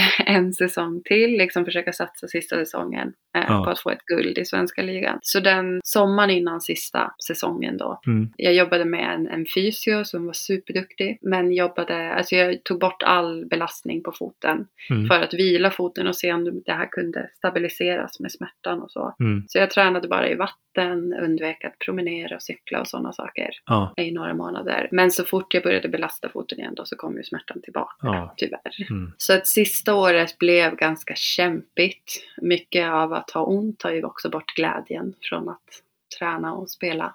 Mm. Många gånger man blir bara frustrerad av att ha ont. Så att jag hann ju verkligen liksom mentalt förbereda mig på att det var ohållbart och att jag var tvungen att avsluta mm. under längre tid. Vilket är skönt. Kanske skönare än att det blir liksom ett väldigt abrupt slut så. Ja. Även om det var tufft i sig. Men så att den påverkade ju väldigt mycket mig och mitt generella mående såklart. Mm. Så ja, tråkigt men på ett sätt kan jag också känna att, att jag tvingades att lägga av. Mm. Jag tror att jag hade, alltså självklart så kan man tänka tillbaka att så här, men jag, jag har haft mycket skador, jag hade velat se liksom hur mycket jag hade kunnat utvecklas och se hur min potential hade utvecklats liksom vidare. Mm. Men också ganska skönt att, att gå vidare till det andra i livet, att börja plugga och liksom gå till nästa kapitel. Mm. Så att lite både och. Men, men jag är glad att jag slutade då, att jag inte tvingade min kropp till ännu mer. För den ska ju faktiskt gå att använda så här efter basketkarriären också. Precis, verkligen. Av de säsongerna som du har spelat i basketligan så har ju du sex SM-silver, men tyvärr inget guld. Och mm. jag förstår att det måste kännas riktigt surt sådär. Men var det någon säsong som du kände så här, fan den här, det här året gör fan mest ont, där hade vi det, men... Uh, I mean, alltså, jag tror att det var året ett av slutspelen med Umeå. Ja. Om det var en av dem var en jättetajt finalserie och jag kände mycket mer att det hände på att vi inte presterade vår fulla förmåga. Mm. Och när man känner det, när, man, när det känns som att så här, hade jag känt att de var bättre än oss, eh, då, då liksom hade jag köpt det. Ja. Men när jag känner att vi inte liksom eh, presterade på topp och vi hade kunnat göra mer. Mm. Jag tror att det blir skillnaden. Då känns det extra tungt att vara så nära men inte riktigt knipa åt det där guldet. Ja. Så att, eh, ja, nej men den svider kanske lite mer än, än de andra då. Nej men så självklart hade jag velat avsluta med ett guld också i svenska ligan. Ja. Men man kan ju inte få allt. Nej. jag förstår. Du, Ja, men du har så jäkla det- mycket annat som du kan blicka tillbaks på som är, ja, som är jäkligt häftigt att, att tänka på. Absolut. Ja, och det är ju det som är kul med lagidrott också, alltså på sätt och vis. Det är så mycket saker som ska klaffa som, eh, alltså självklart, det är ju, man är ju en individ, en, en del av det hela, men, men det är så mycket mer också. Så att jag kan tycka att det är ganska, ja, det är, det är fascinerande och jag tycker att basket är en otroligt häftig sport. Det är of, väldigt ofta det sker liksom oväntade saker och ehm, så att, eh, ja, nej men så jag ser tillbaka på det som fantastiska upplevelser och väldigt härliga Ja. minnen, även om vissa svider lite Mm. mer än andra. Tidigt i karriären så hade du en dröm om att bli obducent när du var klar som basketproffs. Vad hände med den drömmen?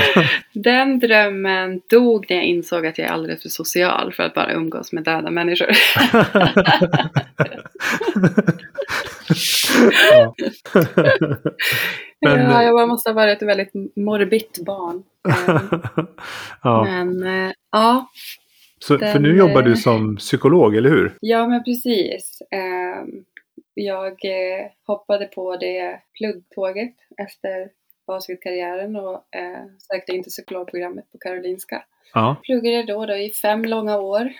Mitt absolut tuffaste slutspel hittills. Men nu är jag klar då och jobbar som psykolog. Mm. Men visst studerade du lite under basketåren också, eller har jag fått en bakfot? Ja, men jag pluggade lite kurser Ja, här och där och eh, någon kurs som jag behövde och sen pluggade jag lite annat för skojs Ja, okej. skull. Men är det någonting du har liksom kunnat tillgodoräkna nu under psykologutbildningen? Nej, eh, någon kurs läste jag för att liksom få behörighet. Ja, Eh, okej. någon kurs som jag saknade Ja. liksom. Så det är inget som jag kunnat tillgodose under programtiden så.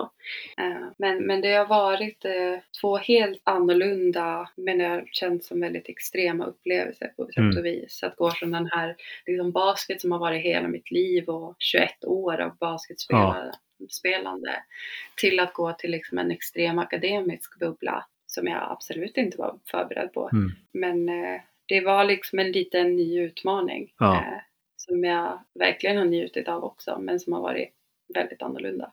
Som sagt. Har du haft någon nytta av dina erfarenheter som elitidrottare i dina studier eller som psykolog, tycker du? Eh, alltså min envishet, absolut. Mm.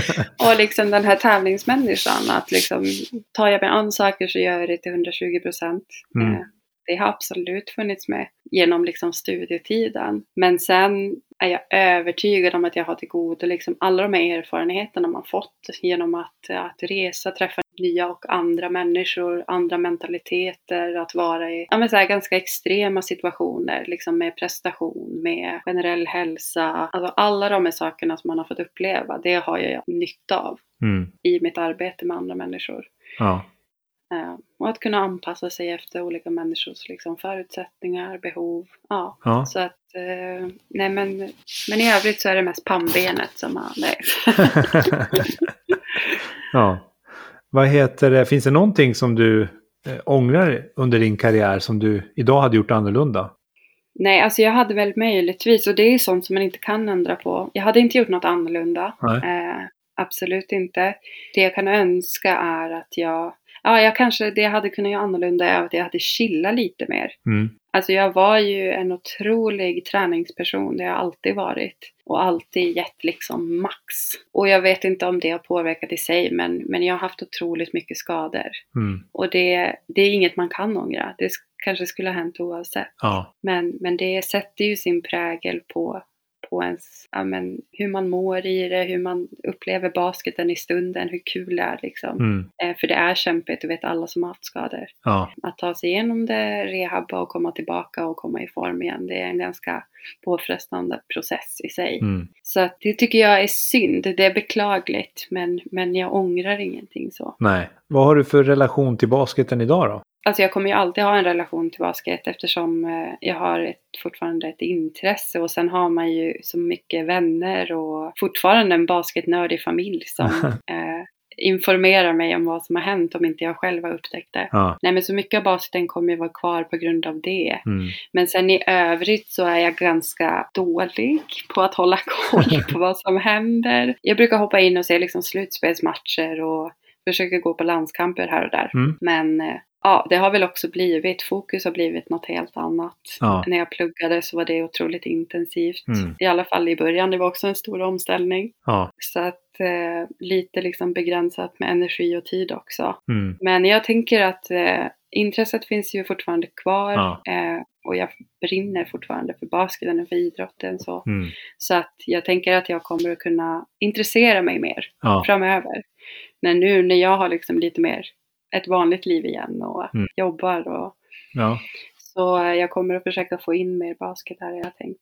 ja, det, Det är min plan skitbra. i alla fall. Ja. Ja.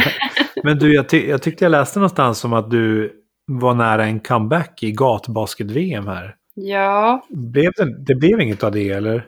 nej och det var ju bara för något år sedan också. Eh, jag och Äldrebrinkarna och Lollo. Mm. När, precis innan jag slutade så firade vi ju, ja, om det var tioårsjubileum. Vi spelade ihop så himla länge så vi och deras pappa de har ju ett ställe utanför Överkalix. Ja, just det. Vi brukar träffas där uppe på somrarna ibland när jag är hemma. Mm. Men då snackade vi om att vi skulle ställa upp med ett lag. Uff, shit, vilket lag. Men då var det också, kom det också klagomål från andra lag om att vi var för toppade. Och eh, så då blev andra avskräckta från att ställa upp. Men sen så Ja. blev det eh, tyvärr inställt.